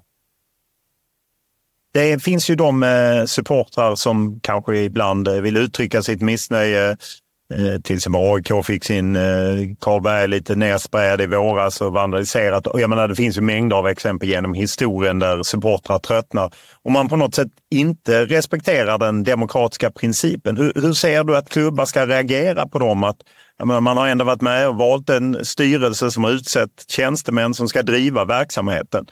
Men då på något sätt vill man tjuvkoppla processen, vilket också ibland leder till att eh, ledare tvingas bort. Ja, jag vet inte vad jag ska säga här faktiskt. Det här är inget bra Olof. Um, ska jag rasa eller fördöma kanske? Nej, men skämt åsido. Um, jag är ju så himla skolad i det här med föreningsdemokratin. Att, att jag är nog precis som du. När, när, när folk gnäller, då är jag, men du var ju på årsmötet och du röstade ju för det här. Men, men det, det går inte hem hos alla. Och det går inte hem hos alla yngre framförallt skulle jag vilja påstå. Um, demokrati är liksom en ömtålig sak också. Um, så för mig är det jätteviktigt och för mig är det heligt, föreningsdemokratin vi har i svensk fotboll och, och att man måste respektera allt det där. Um, men återigen, fotboll är liksom, för många av de här är det livet också. Alltså det är en livsstil. De är inte, de är inte ultras eller följer sitt lag som de gör lite sådär i sidan av, utan de åker på alla matcher, syr sina flaggor, liksom stämningen, Alltså de ger upp allting annat. Har något jobb som gör att de kan ta ledigt för alla matcher och då, och då blir det, då blir det liksom viktigare än det blir för många andra. Och då, och då, och då kan det ta sig de här uttrycken. Men eh, det är nästan som med allting. Liksom. Supporterkulturen i sig själv är ju det första man tänker på att det är något stort och bra. Det går massor med folk på matcherna. Det är en otrolig elektrisk stämning med sånger och banderoller och flaggor och hej och hå. Men så finns det då avarter. Ehm, det är ju så med det mesta liksom. Alla andra kulturyttringar och vad det nu än är, liksom, att det, det, det blir stora hela, det här är jättefint, jättebra, men um, och så vet jag inte heller, liksom inte skuldbelägga en hel supporterkultur för det heller, utan är det någon som inte kan sköta sig och, och liksom förhålla sig till de, demokratins spelregler så får man ju lagföra dem. Och det ska ju vara helst polisen då ju. Ehm, och det gäller liksom allt som är förbjudet. Det är ju samma som om någon kör för fort på Hornsgatan så ska inte ni andra som kör bredvid och håller, och håller rätt fart eh, skuldbeläggas eller, eller liksom gatan ska inte stängas av för er utan den som har gjort det ska ju lagföras och sen får man gå vidare. Ehm, men visst, jag är demokrat. Allra mest när det kommer till fotboll det är heligt för mig och då, då, då ska man eh, rätta sig efter det. Ja, och det var mer tänkt som just att det, att det är svåra att stå upp mot populism och, och liknande när man upplever sådana situationer. Vi försöker mer hitta en, en förklaring för egentligen känner man ju att Stockholmsklubbarna och IFK Göteborg har ju har ju sådana resurser. Det har ju varit häftigt att se hur både AIK och IFK Göteborg som gick dåligt under 2023 men ändå haft en otrolig publiktillströmning och där en majoritet har stöttat dem så att säga. Eh, sen finns det ju då undantagen, men att det just att det kan vara svårt. Att, eh, kanske är det supportrarnas tryck som gör att en ordförande känner ett behov av att gå ut och säga att vi ska om Malmö och det är snabbt. Eller vad nu sker. Eller liksom vi ska, nästa år ska vi vara i toppstriden. Ni har ju en effekt på det sättet. Ja, det har vi. Och, och det är ju som du säger att i, i år tyckte jag det närmast var ofattbart. Kanske allra mest med IFK Göteborg som ju var så fruktansvärt dåliga och ändå så var Ullevi fullt varenda gång med tifo och sång och så vidare. Det är, det är närmast som man tänker sig att det här är, är det, är det självplågare. Går dit för att titta på dem, för stryk hemma mot Varberg, liksom, fyller arenan. Det, det, men men ehm, det visar ju också, på något vis visar det ju på, på fotbollens kraft. Alltså man, man, man ger sig inte, man, man, man är där alltid. Eh, och speciellt i motgång, det, det, tycker jag också är om jag får säga det, nästan det bästa med svensk supportkultur. Att, ehm, eh, jag menar, tittar man ut i Europa så, jag menar på Emirates så buar de ju om, om, eh, om de inte vinner och så vidare. Det, det, det, det är liksom, man kan visst sjunga och, och, och, det kan vara tryck, men det är ju när man leder eller vinner. Det, det, det där är sällsynt. Om man som Göteborg och AK ligger i botten hela vägen, men fyller arenan varenda match. Det, det, det, tycker jag, det har jag börjat se på som någonting ganska typiskt svenskt. Och det gör mig lite glad.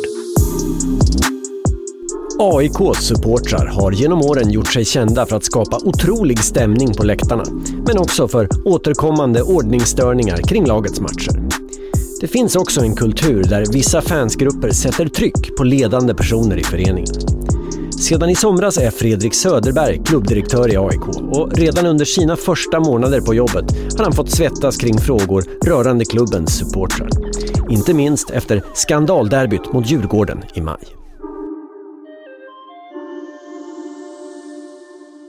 Ur mitt perspektiv så bejakar man ju det stora engagemanget. Det är ju mycket roligare att arbeta i en, eh, på, på en arbetsplats och med en, med en klubb som, som har ett starkt engagemang som många bryr sig om än, än motsatsen. Eh, och när du tar det här jobbet så vet du ju det. Du går in med de, med, med de, under de förutsättningarna. Att du vet att det är ett engagemang åt, åt, åt alla håll. Och det är den valutan som medlemmar och supportrar vill ha i sitt engagemang. Det vill säga att man, man vill inte betala för givet. Man vill ha någon form av...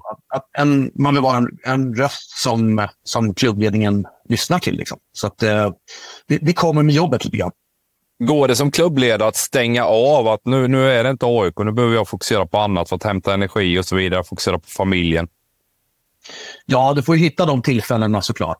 Uh, sen dras man dras i den här typen av jobb för att man själv delar den eh, passionen och engagemanget. Eh, det, det, är ju inte ett jobb du ska ha om du ser på något sätt att jag, eh, jag, jag jobbar för att leva. det, blir en, det blir en väldigt stor del av ditt liv såklart, den här typen av, av arbete och, och fotbollsklubben i sig. Men du, får, du måste få samtidigt hitta de små öar där du, där du hämtar egen energi på något sätt. Annars tror jag att du gör om inte annat gör ett dåligt jobb i slutändan. Eh, ofta brukar man ju nämna ord som långsiktighet, kontinuitet som eh, tecken på framgång. Eh, och Det kan man inte alltid anklaga. Eh, ja, det är väl framförallt tre klubbar i Stockholm, en i Göteborg och viss mån Malmö. Då ja, men där det blåser till lite extra. Hur klarar man av det? Att sätta liksom en ribba att eh, matchen om fem år ska vara lika viktig som den är på söndag? Eller går inte det i en klubb som AIK och de andra stora? Nej, du måste jobba parallellt med de båda delarna hela tiden. Du måste vara här och nu. Du måste tänka på morgondagen. Du måste kunna förutse vilka, eh, vilka, vilka beslut som kommer komma, komma få vilka effekter samtidigt som du jobbar med den långsiktiga planen. Men du måste också vara flexibel och lyhörd för, för att du kan behöva justera i planerna eh, för att kunna, kunna fortsätta bedriva arbetet. Eh, och så hade det inte kanske, kanske kunnat vara i en, i en kontext där det är mindre intresse kring det, om man säger så. Hur ofta blir du frustrerad över att eh, kanske den stora massan av supportrar inte ser långsiktigheten eller inser att just det här är kanske viktigt? Jag blir nog mer frustrerad när den stora massa supportrar eller det, det, det, är aldrig den stora massa supportrar, utan det är väl det snarare, snarare som en del av den här frustrationen, eller del av den här utmaningen ska jag säga, är att eh, det finns ju väldigt många olika bilder. så att säga. Det, det är väldigt sällan det är homogent. Eh, liksom. Men däremot så kan jag bli frustrerad om synen på AIK är att vi inte har en långsiktig plan. Eh, att på något sätt att vi vi bara skulle vara reaktiva. Därför att då tror jag att man, man behöver tänka till att långsiktigheten kan vi kanske inte alltid kommunicera utåt. För att vi har motståndare också som vi kanske inte alltid vill ge alla fördelar. Det betyder inte att vi inte har planer. Den frustrationen kan komma ibland och känna att vi måste kunna ge oss lite kredibilitet för att vi faktiskt vet vad vi håller på med. Hur navigerar man eh, i en miljö där, där det finns mycket olika supporterfalangen som också internt då, eh, inom supporterskaran tycker olika. Hur navigerar ni i vardagen med de typen av eh, eh frågor som de ställer? Så att säga? Jag tror att du behöver vara noga med att eh, in, att, att lyssna och inte underskatta åsikterna oavsett om det kommer från organiserad eh, supportergruppering eller om det kommer från enskilda medlemmar eller, eller en större grupp medlemmar eller hur det nu blir organiserat eller oorganiserat. Jag tror att du ska möta medlemmar och supportrar i den mån du kan på ett respektfullt och bra sätt. Och det, det är tidskrävande, men jag tror att det är något du behöver lägga tid på. Därför att när du sen väl fattar beslutet så måste du, måste du också kunna motivera beslutet. Min uppfattning är att de allra flesta har respekt för att du fattar beslut även om de inte håller med, om du kan peka på att det är ett välgrundat beslut. Det finns ju en eh, demokratisk ordning på något sätt att eh, medlemmar kan vända sig till valberedning som tar fram en styrelse. Styrelsen anställer tjänstemän och så på något sätt väljer man ju om styrelsen en gång om året eller ersätter den om man inte är nöjd. Ibland blir det ju ändå så att frustrationen hos en del supportrar när det inte går bra sportsligt är ju att de vill påverka. De vill på något sätt tjuvkoppla den processen som ju kan vara lite långsam ibland. Hur, hur upplever man det när de trycker på att vi behöver byta ut tränare eller vi behöver göra någonting kring spelare? Ja, jag tror att man ska skilja på de medlemsdemokratiska processerna och eh, ett, ett uttryck för att Eh, jag i, i, i, min livsstil och min passion här vill, eh, vill göra min röst hörd för att någonting behöver förändras. Jag, eh, jag tycker vi liksom har sett Glazers out på Old Trafford under lång tid och det är, det är en förening som jag i alla fall ser väldigt långt bortkopplat från föreningsdemokrati om man säger så. så jag tror att det är två olika delar i det där. Uh, frustrationen som kommer utöver att det är någonting som inte stämmer, vare sig det handlar om på planen, uh, i uh, tränarrummet eller i organisationen eller någonting. Den kan vara passionsdriven och inte nödvändigtvis styrd av att jag vill påverka beslutet, utan mer bara en röst för att uttrycka ett, ett, ett missnöje. Och det där behöver man också givetvis uh, kunna, kunna navigera uh, och veta, veta vad, man, vad man ska ta till sig, uh, vad man, hur, hur man ska ta till sig det och vad man ska lyssna på. Eh, ni hade ju ett media, eller drev från supportrarna, framförallt här i våras under en tuff sportslig period med Manuel Lindberg. Vad har ni lärt er av, av den situationen som ni kan göra bättre framåt? Ja, men det, det kanske är lättare sagt än gjort, men jag tror att man alltid ska ha inställningen hela tiden för att kunna försöka vara mer förutseende. Att eh, vara, lite tillbaka till det jag sa, att om du, om du fattar ett beslut så måste du kunna förstå vad får det här beslutet för konsekvenser. Eh, därför att om du, vä, om, om du har ett välgrundat beslut som du kan kommunicera på så bra sätt till medlemmar så att medlemmar och supportrar förstår var beslutet kommer. Alltså, mm, den allra stora massan, som jag sa, de kan säga att vi, ja, okej, ja, vi förstår men vi håller inte med. Eller, så, eller, eller håller med givetvis. Men att man i alla fall har förståelse för eh, att beslutet är, är välgrundat. För sen om det visar sig att beslutet inte faller väl ut, eh, då, du, då har du en förklaringsmodell till vad det var som drev fram ett beslut. För det, det tror jag att vi också måste vara ännu duktigare på att förmedla. Alla beslut vi tar har alltid en risk att inte falla väl ut. Ska vi vara hundraprocentigt säkra på att vi ska bara fatta beslut som blir exakt hundraprocentigt rätt, då kommer vi inte fatta många beslut på ett år. Ja, de, de är mer på, på ena handens fingrar på något sätt. Eh, och det vill inte våra medlemmar heller. Vill, man vill att man ska vara en progressiv eh, klubb. Så att återigen, det här, den här typen av förankring, den här typen av, av eh, medlemskommunikation är superviktig för att kunna jobba långsiktigt.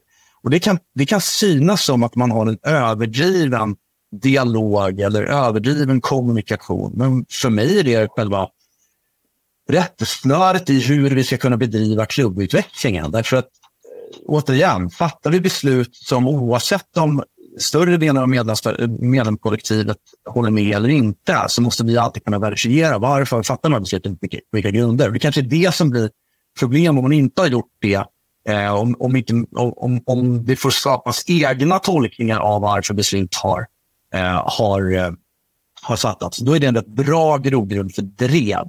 Jag har märkt att, och det ligger väl lite saker i, i människors natur i dagens samhälle generellt, att du vill väldigt gärna kanalisera din energi på en syndabock eller en hjälte på något sätt. allting blir väldigt polariserat. Och eh, Det tror jag är eh, ett eh, Sisyfos-arbete att försöka ändra på. Du måste snarare bejaka det och försöka acceptera att det är så förutsättningarna ser ut och riskminimera där. Man tar sådana här kvartssamtal som dyker upp i motgång. Ni hade säkert ett och annat under gångna säsongen. Man ser det med jämna mellanrum. Hur resonerar ni internt kring eh, den typen av dialog? Eller jag vet inte vad jag ska kalla det. Det är väl inte ens en dialog, men, men, men samtal i alla fall. Samtal handlar ju nästan alltid om att man vill se en... Alltså, vad, vad, vad tänker du? Vad har en plan? De samtal jag har varit med om där, det, de, de har nästan alltid slutat med att man gått därifrån och sagt att nu jävlar, ta tag i det här och gör det tillsammans.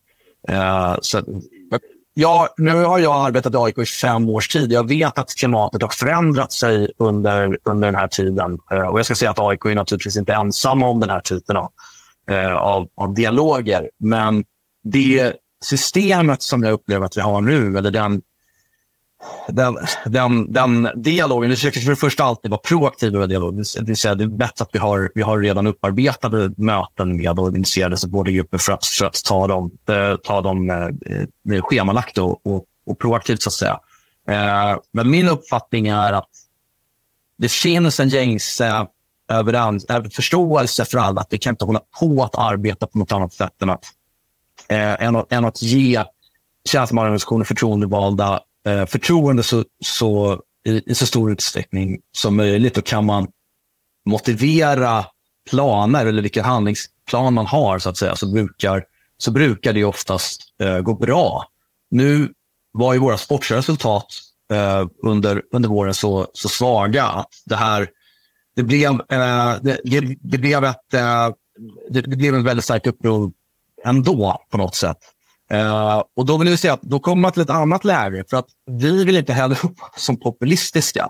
Så att då handlar det om att man behöver vara kall i det, beslut, i, i, i det läget och kunna gå tillbaka och fatta beslut som är, är fattade på rätt premisser. Det skulle exempelvis kunna vara så att vi säger att nej, vi vill inte göra den här förändringen på grund av att vi vill inte uppfattas som uh, att vi är påverkade av någon. Men samtidigt så kanske vi, om man bara sätter verksamheten hade varit, är förtjänt av att fatta det beslutet och egentligen har det som plan.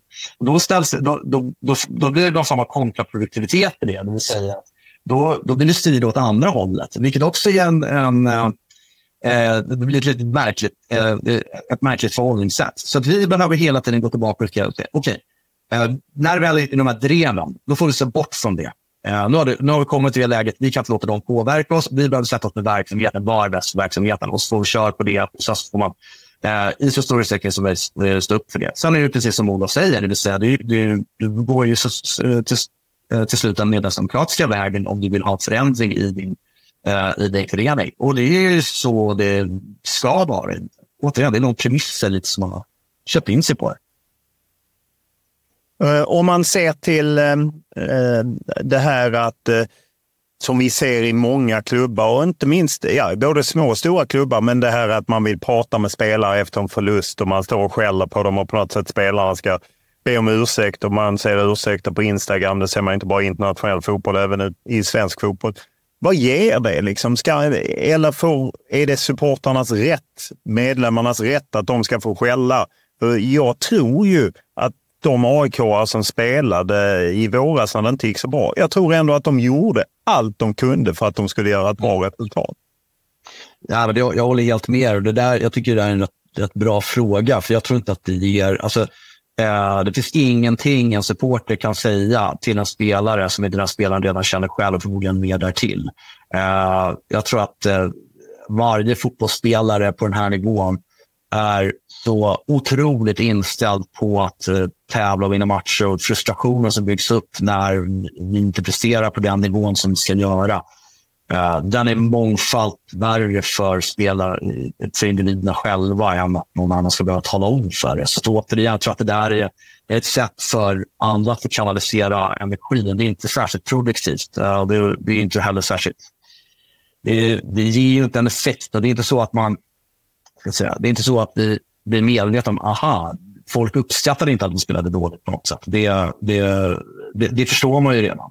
Så att rätt och rätt, deras, deras rättigheter, alla har rättighet att säga vad man vill. Sen tycker jag att det blir ett ohållbart klimat om vi går över till eh, påhopp, trakasserier eller direkta, direkta hot, eh, då, eh, då, blir det helt o, då blir det ohållbart att kunna bedriva en verksamhet. Och det är, det är fullständigt förkastligt. Men att, att, att, att supportrar och medlemmar får reagera på att inte eh, mm, spelet är bra eller sånt där, det, det, det, det, måste de få, det, det, måste få ingå i deras, eh, i deras känsloyttring eh, på något sätt. Och som jag säger, det påverkar inte särskilt mycket om man ser till vad spelarna egentligen känner själv självinsikter. Det har ju varit eh, att supportrar eller medlemmar påverkat sina föreningar, kan man se ur ett positivt perspektiv. AIK, Malmö och andra, ni åker inte till Dubai längre. Det är ju liksom, har ju varit mycket supporterdrivet och mm. man kan se kring eh, VAR att man är också där är engagerad. Samtidigt så kan man se liksom att det är ju ingen som tycker att det var deppigt att ni sålde en spelare till Qatar och fick bra betalt. Alltså, åk inte dit på träningsläger, men ja, kommer det lite oljepengar vår väg, då tar vi gärna det. Hur, hur hanterar man det som ledare, liksom, eh, att det svänger så? Man kan se det på olika sätt.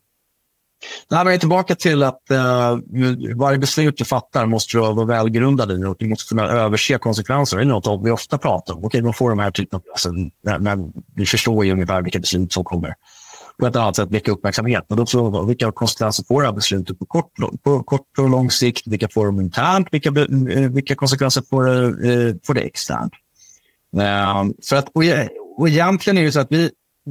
Här kan vi nästan här kan vi nästan likställa fotbolls, eh, fotbollsklubbar med ett kommersiellt bolag. Bara det att eh, uttrycken ser sig eh, på olika sätt och, eh, eh, och valutan är lite olika. Därför att ett kommersiellt bolag skulle aldrig göra någonting som gjorde att de tappade kunder. Eller, alltså det vill säga att det, effekten blir att du tappar affärer på något sätt. Och då kommer du ändra ditt sätt att arbeta för att behålla den affären. Och för oss så handlar det ju om att våra medlemmar och supportrar är ju till stor del de är ju våra kunder, de är våra ägare och till viss del är de även vår produkt.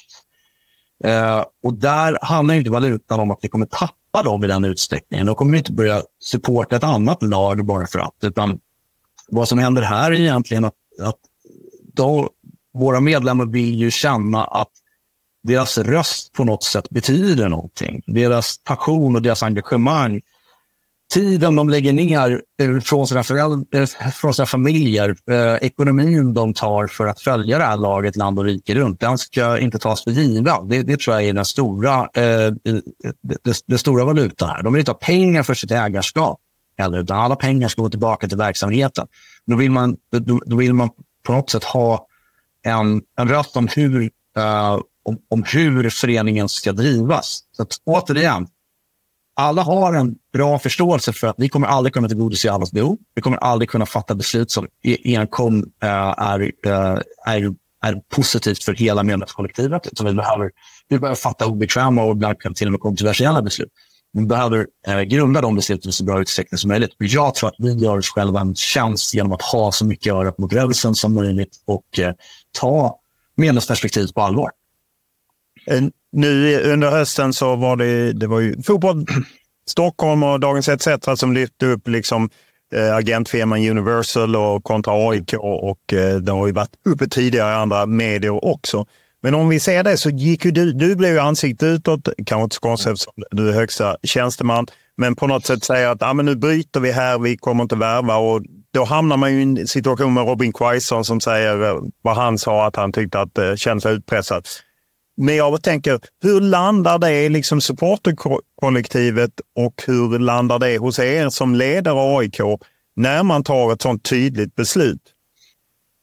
Ja, men det, där har du ett bra exempel på där du behöver göra någon form av eh, säga, kartläggning över hur det här beslutet, vad, vad får det för effekter och konsekvenser? Och eh, när, när vi fattade beslutet, det var, det var på ryggen av bland annat en internutredning vi hade gjort kring vår arbetsmiljö, eh, samt den insikt som jag i alla fall hade fått eh, tillsammans med många kollegor kring eh, hur samarbetet egentligen fungerade. Det var rätt toxiskt samarbete, eh, för att beskriva det eh, vilt.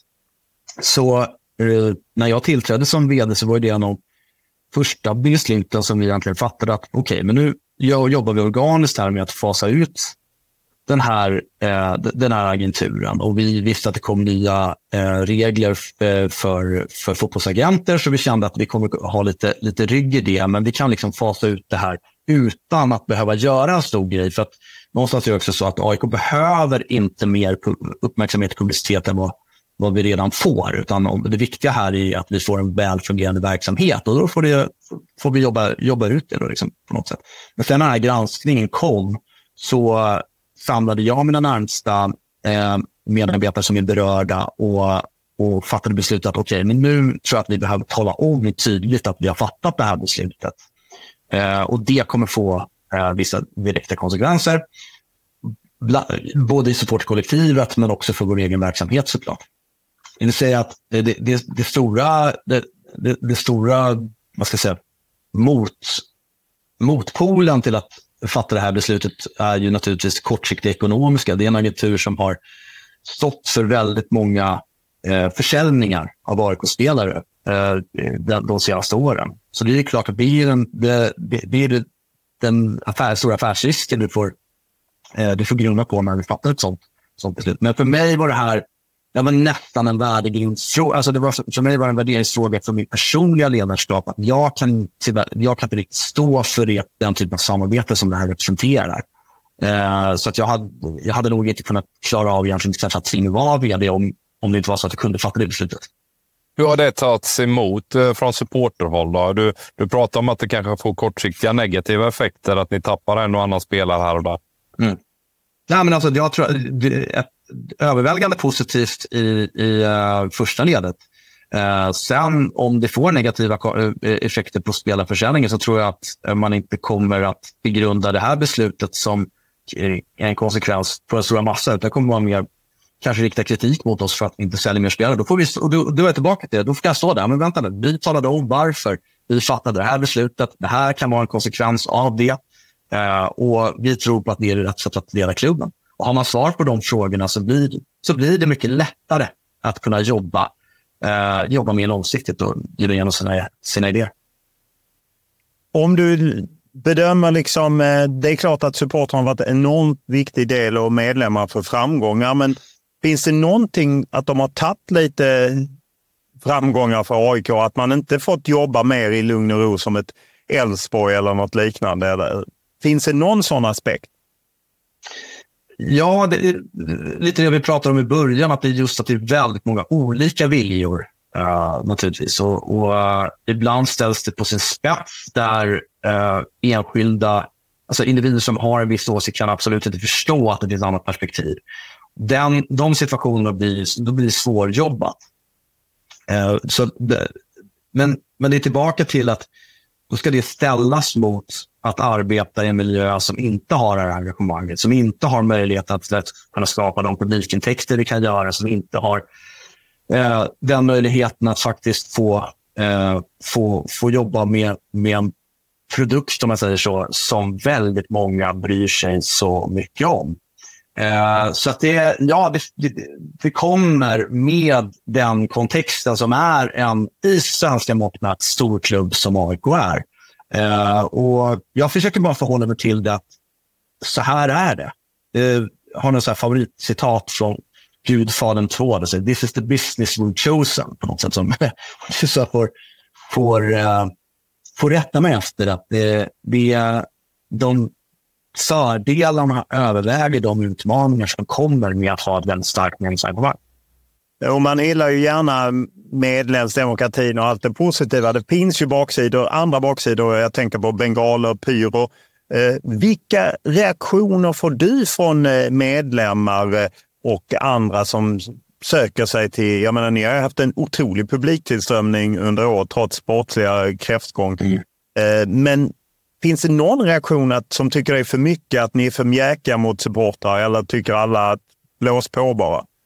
Oh ja, nej, det finns många sådana åsikter. Att vi ska göra det ena och det andra. Och nu får vi, vi får hela tiden uh, försöka förhålla oss till vad vi, vad vi klarar av och mäktar med att göra. Och det där, det, där, delen är lättare att navigera än vad många tror. Därför att det är ingen, som, det, det är ingen inom AIKs organisation som på något sätt står för att vi ska ha ordningsstörningar på våra läktare. Det är ingen, det är ingen inom AIKs organisation som vill att det ska begå ehm, eh, brott på, i samband med våra, våra matcher. Däremot så finns det en motion också som ligger eh, inom eh, som, som är antagen på ett årsmöte om att AIK ska verka för eh, legalisering av pyroteknik eller åtminstone försöka möjliggöra för debatten om, om eh, legalisering av, av pyroteknik. Och det är en helt annan fråga. Men idag så är ju eh, allt det som klassas för ordningsstörningar i vårt uppdrag att, att eh, motverka. Och för mig är det rätt enkelt. Det är beteenden du går på. Det, det, det, det är beteenden som inte är acceptabla att ha på Eh, Eh, på ett läktare. Jag förhåller mig inte till om det är en kultur, om det är specifika grupperingar eller om det är någonting som man ska få eh, acceptera på, eh, i relation till, till att man får en annan uppsida eller något sånt där. Beteendet är, om, om det är inte är okej, vi har tagit rygg på, vi har tagit rygg på supporterrörelsen för att driva på frågan om, om exkluderingsstrategin istället för kollektiv bestraffning på villkorstrappan. Och det här är också då resultatet av det. Så vi behöver jobba med att exkludera de individer som begår ordningsstörningar. Och sen försöka ändra det beteendet, givetvis. Är det något man kan uppleva tryck eller hot när man är i ledande position om man går i den riktningen?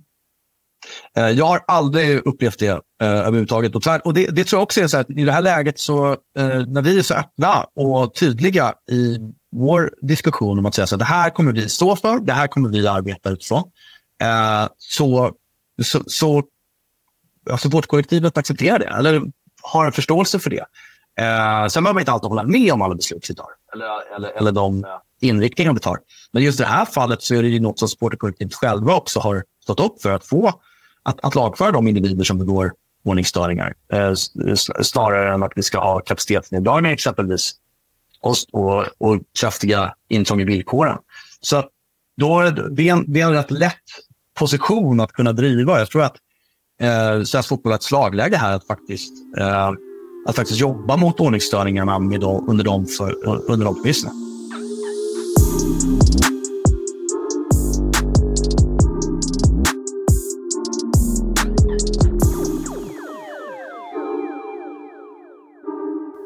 Då har vi fått eh, ta del av eh, Håkan Mild, eh, Tony Ernst och Fredrik Söderberg. Eh, och eh, jag måste säga att eh, jag gillar dem alla på olika sätt för att de har eh, bra svar och mycket tankar som har gått in. Man märker att det är inga, inga personer som skjuter från höften utan har funderat mycket kring, eh, kring de här frågorna. Jag fastnar på en sak och just det, vikten av kommunikation, både att nå ut till supportrar, hur otroligt viktigt det är att, och att man inte kan lura supportrar. Att den, det måste liksom funka för att, eh, särskilt i krisläge förstår man ju på Tony Ernst att när det går dåligt, då är det kanske ännu viktigare. Ja, och jag tycker det var extremt intressant också. Jag fastnade också precis på samma sak där Tony säger. Just det här att kommunicera i motgång också, där man gärna liksom drar sig för att uttala sig och framförallt kommunicera att, att den inslagna vägen fortskrider och att man håller i liksom kursen framåt. Att, att den typ av lugnande effekten som det ger, att man drar sig för att kommunicera i motgång. Det, det, det är ju tydligt överallt. Eh, det gäller ju personliga saker också när man, man eh, utsätts för, för saker som spelare, som ledare, men som klubbledare också. Då, att det blir ju ännu viktigare att vara extremt tydlig med vad man vill göra och ska göra och fortsätta göra.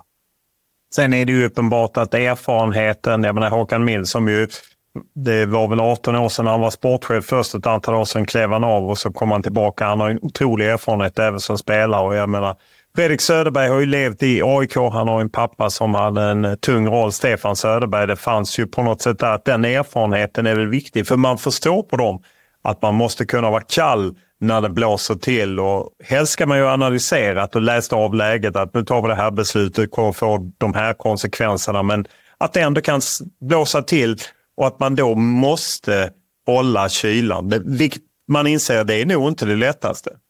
Nej, och eh, Fredrik är ju inne på det också. Välgrundade beslut skapar en förståelse hos supportrar, även om inte eh, supporten, den specifika supporten alltid är enig med det beslutet. Och, och tar man Håkan med, med den otroliga rutinen. Jag menar, spelat VM, eh, Champions League med Blåvitt, varit med om alla de här framgångarna. Att, att kunna stå pall i motgång också. Så det här året har ju varit ett horribelt år för IFK Göteborg eh, sett ur ett historiskt perspektiv. Att ändå, jag tror att många av de här medarbetarna i eh, föreningar, både, både Fredrik och framförallt då Håkan med sin erfarenhet, att man som, som lite mer orutinerad medarbetare kan luta sig mot Håkan att ta det lugnt.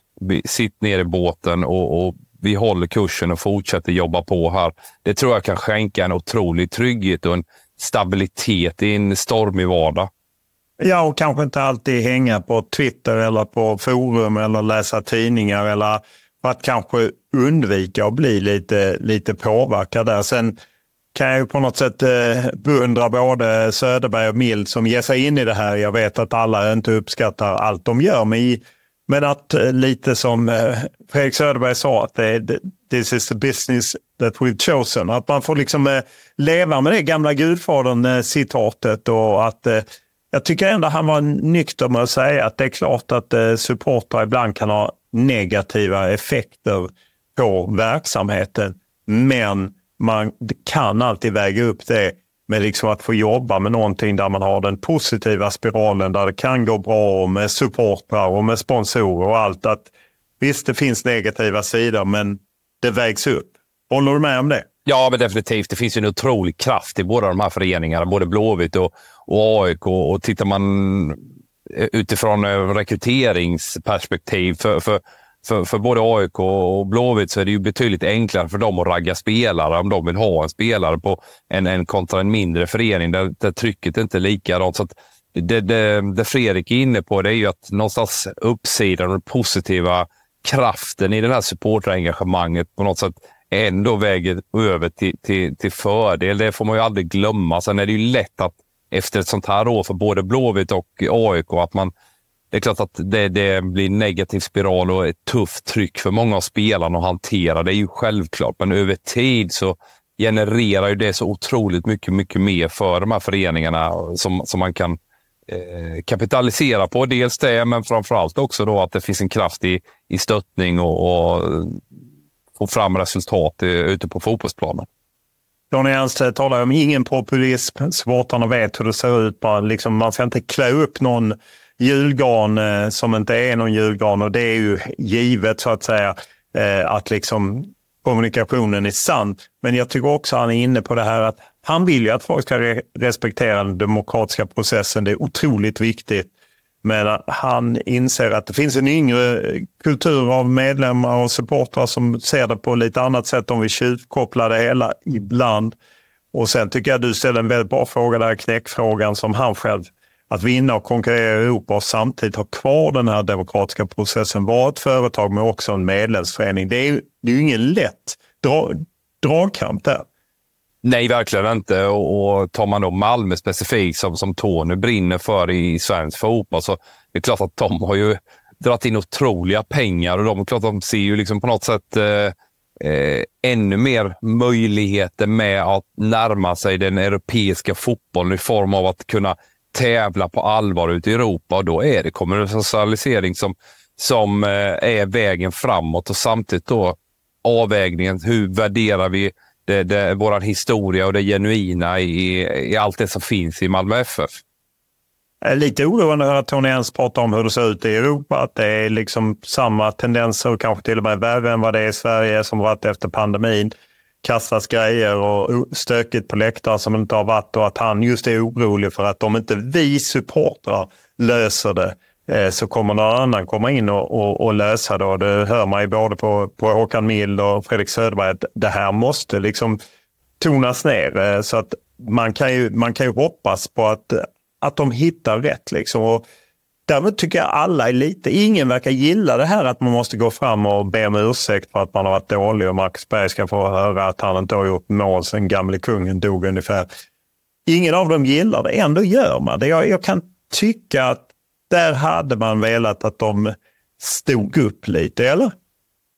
Ja, och det fastnade jag lite grann för också. Uh, utifrån, utifrån perspektivet där jag sitter och där du sitter så är det ju självklart att den typen av diskussioner eller dialoger eller vad man nu ska kalla de här jävla kvartssamtalen. Jag är otroligt trött på dem och se dem. Det ger ju inte ett skit.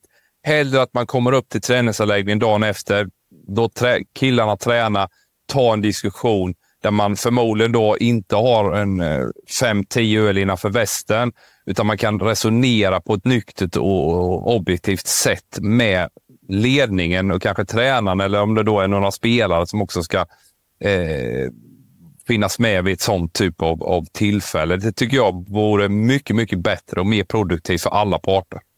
Ja, det, det, Söderberg och Mild är ju tydliga där med att liksom, det får inte gå till överdrift. Inga trakasserier, inga hot, hat liksom så. Eh, man undrar ändå lite, omsättningen som har varit i de här klubbarna i, i framförallt i, i Stockholm men även i Blåvitt, enorm omsättning.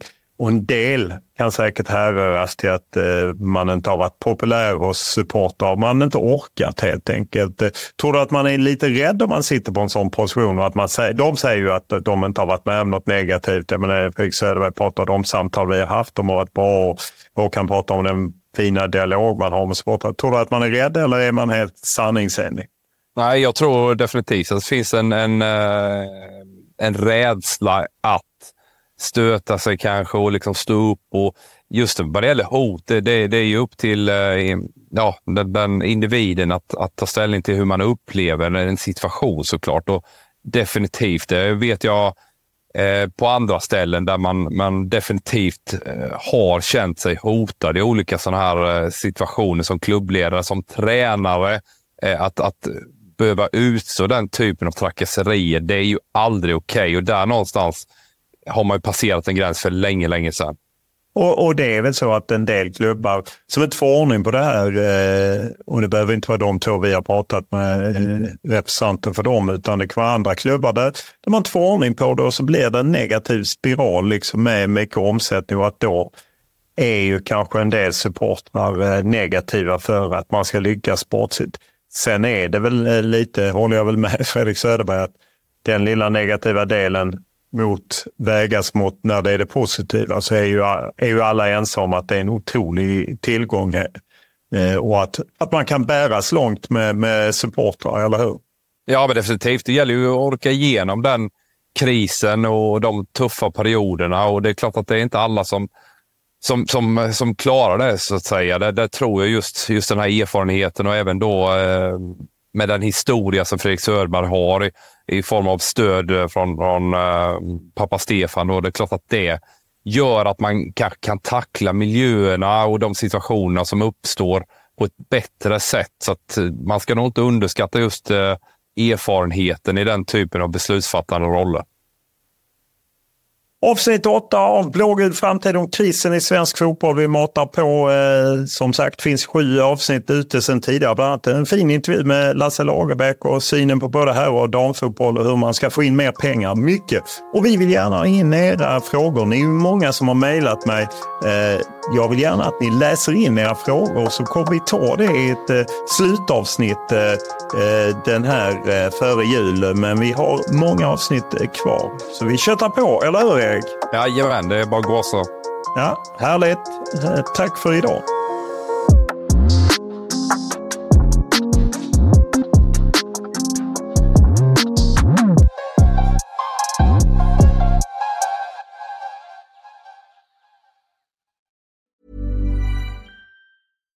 Deserves the best, and there's no better place to shop for Mother's Day than Whole Foods Market. They're your destination for unbeatable savings, from premium gifts to show-stopping flowers and irresistible desserts. Start by saving 33% with Prime on all body care and candles. Then get a 15-stem bunch of tulips for just $9.99 each with Prime. Round out Mom's menu with festive rosé, irresistible berry chantilly cake, and more special treats. Come celebrate Mother's Day at Whole Foods Market. When you need mealtime inspiration, it's worth shopping Kroger, where you'll find over 30,000 mouthwatering choices that excite your inner foodie. And no matter what tasty choice you make, you'll enjoy our everyday low prices, plus extra ways to save, like digital coupons worth over $600 each week. You can also save up to $1 off per gallon at the pump with fuel points. More savings and more inspiring flavors make shopping Kroger worth it every time. Kroger, fresh for everyone. Fuel restrictions apply.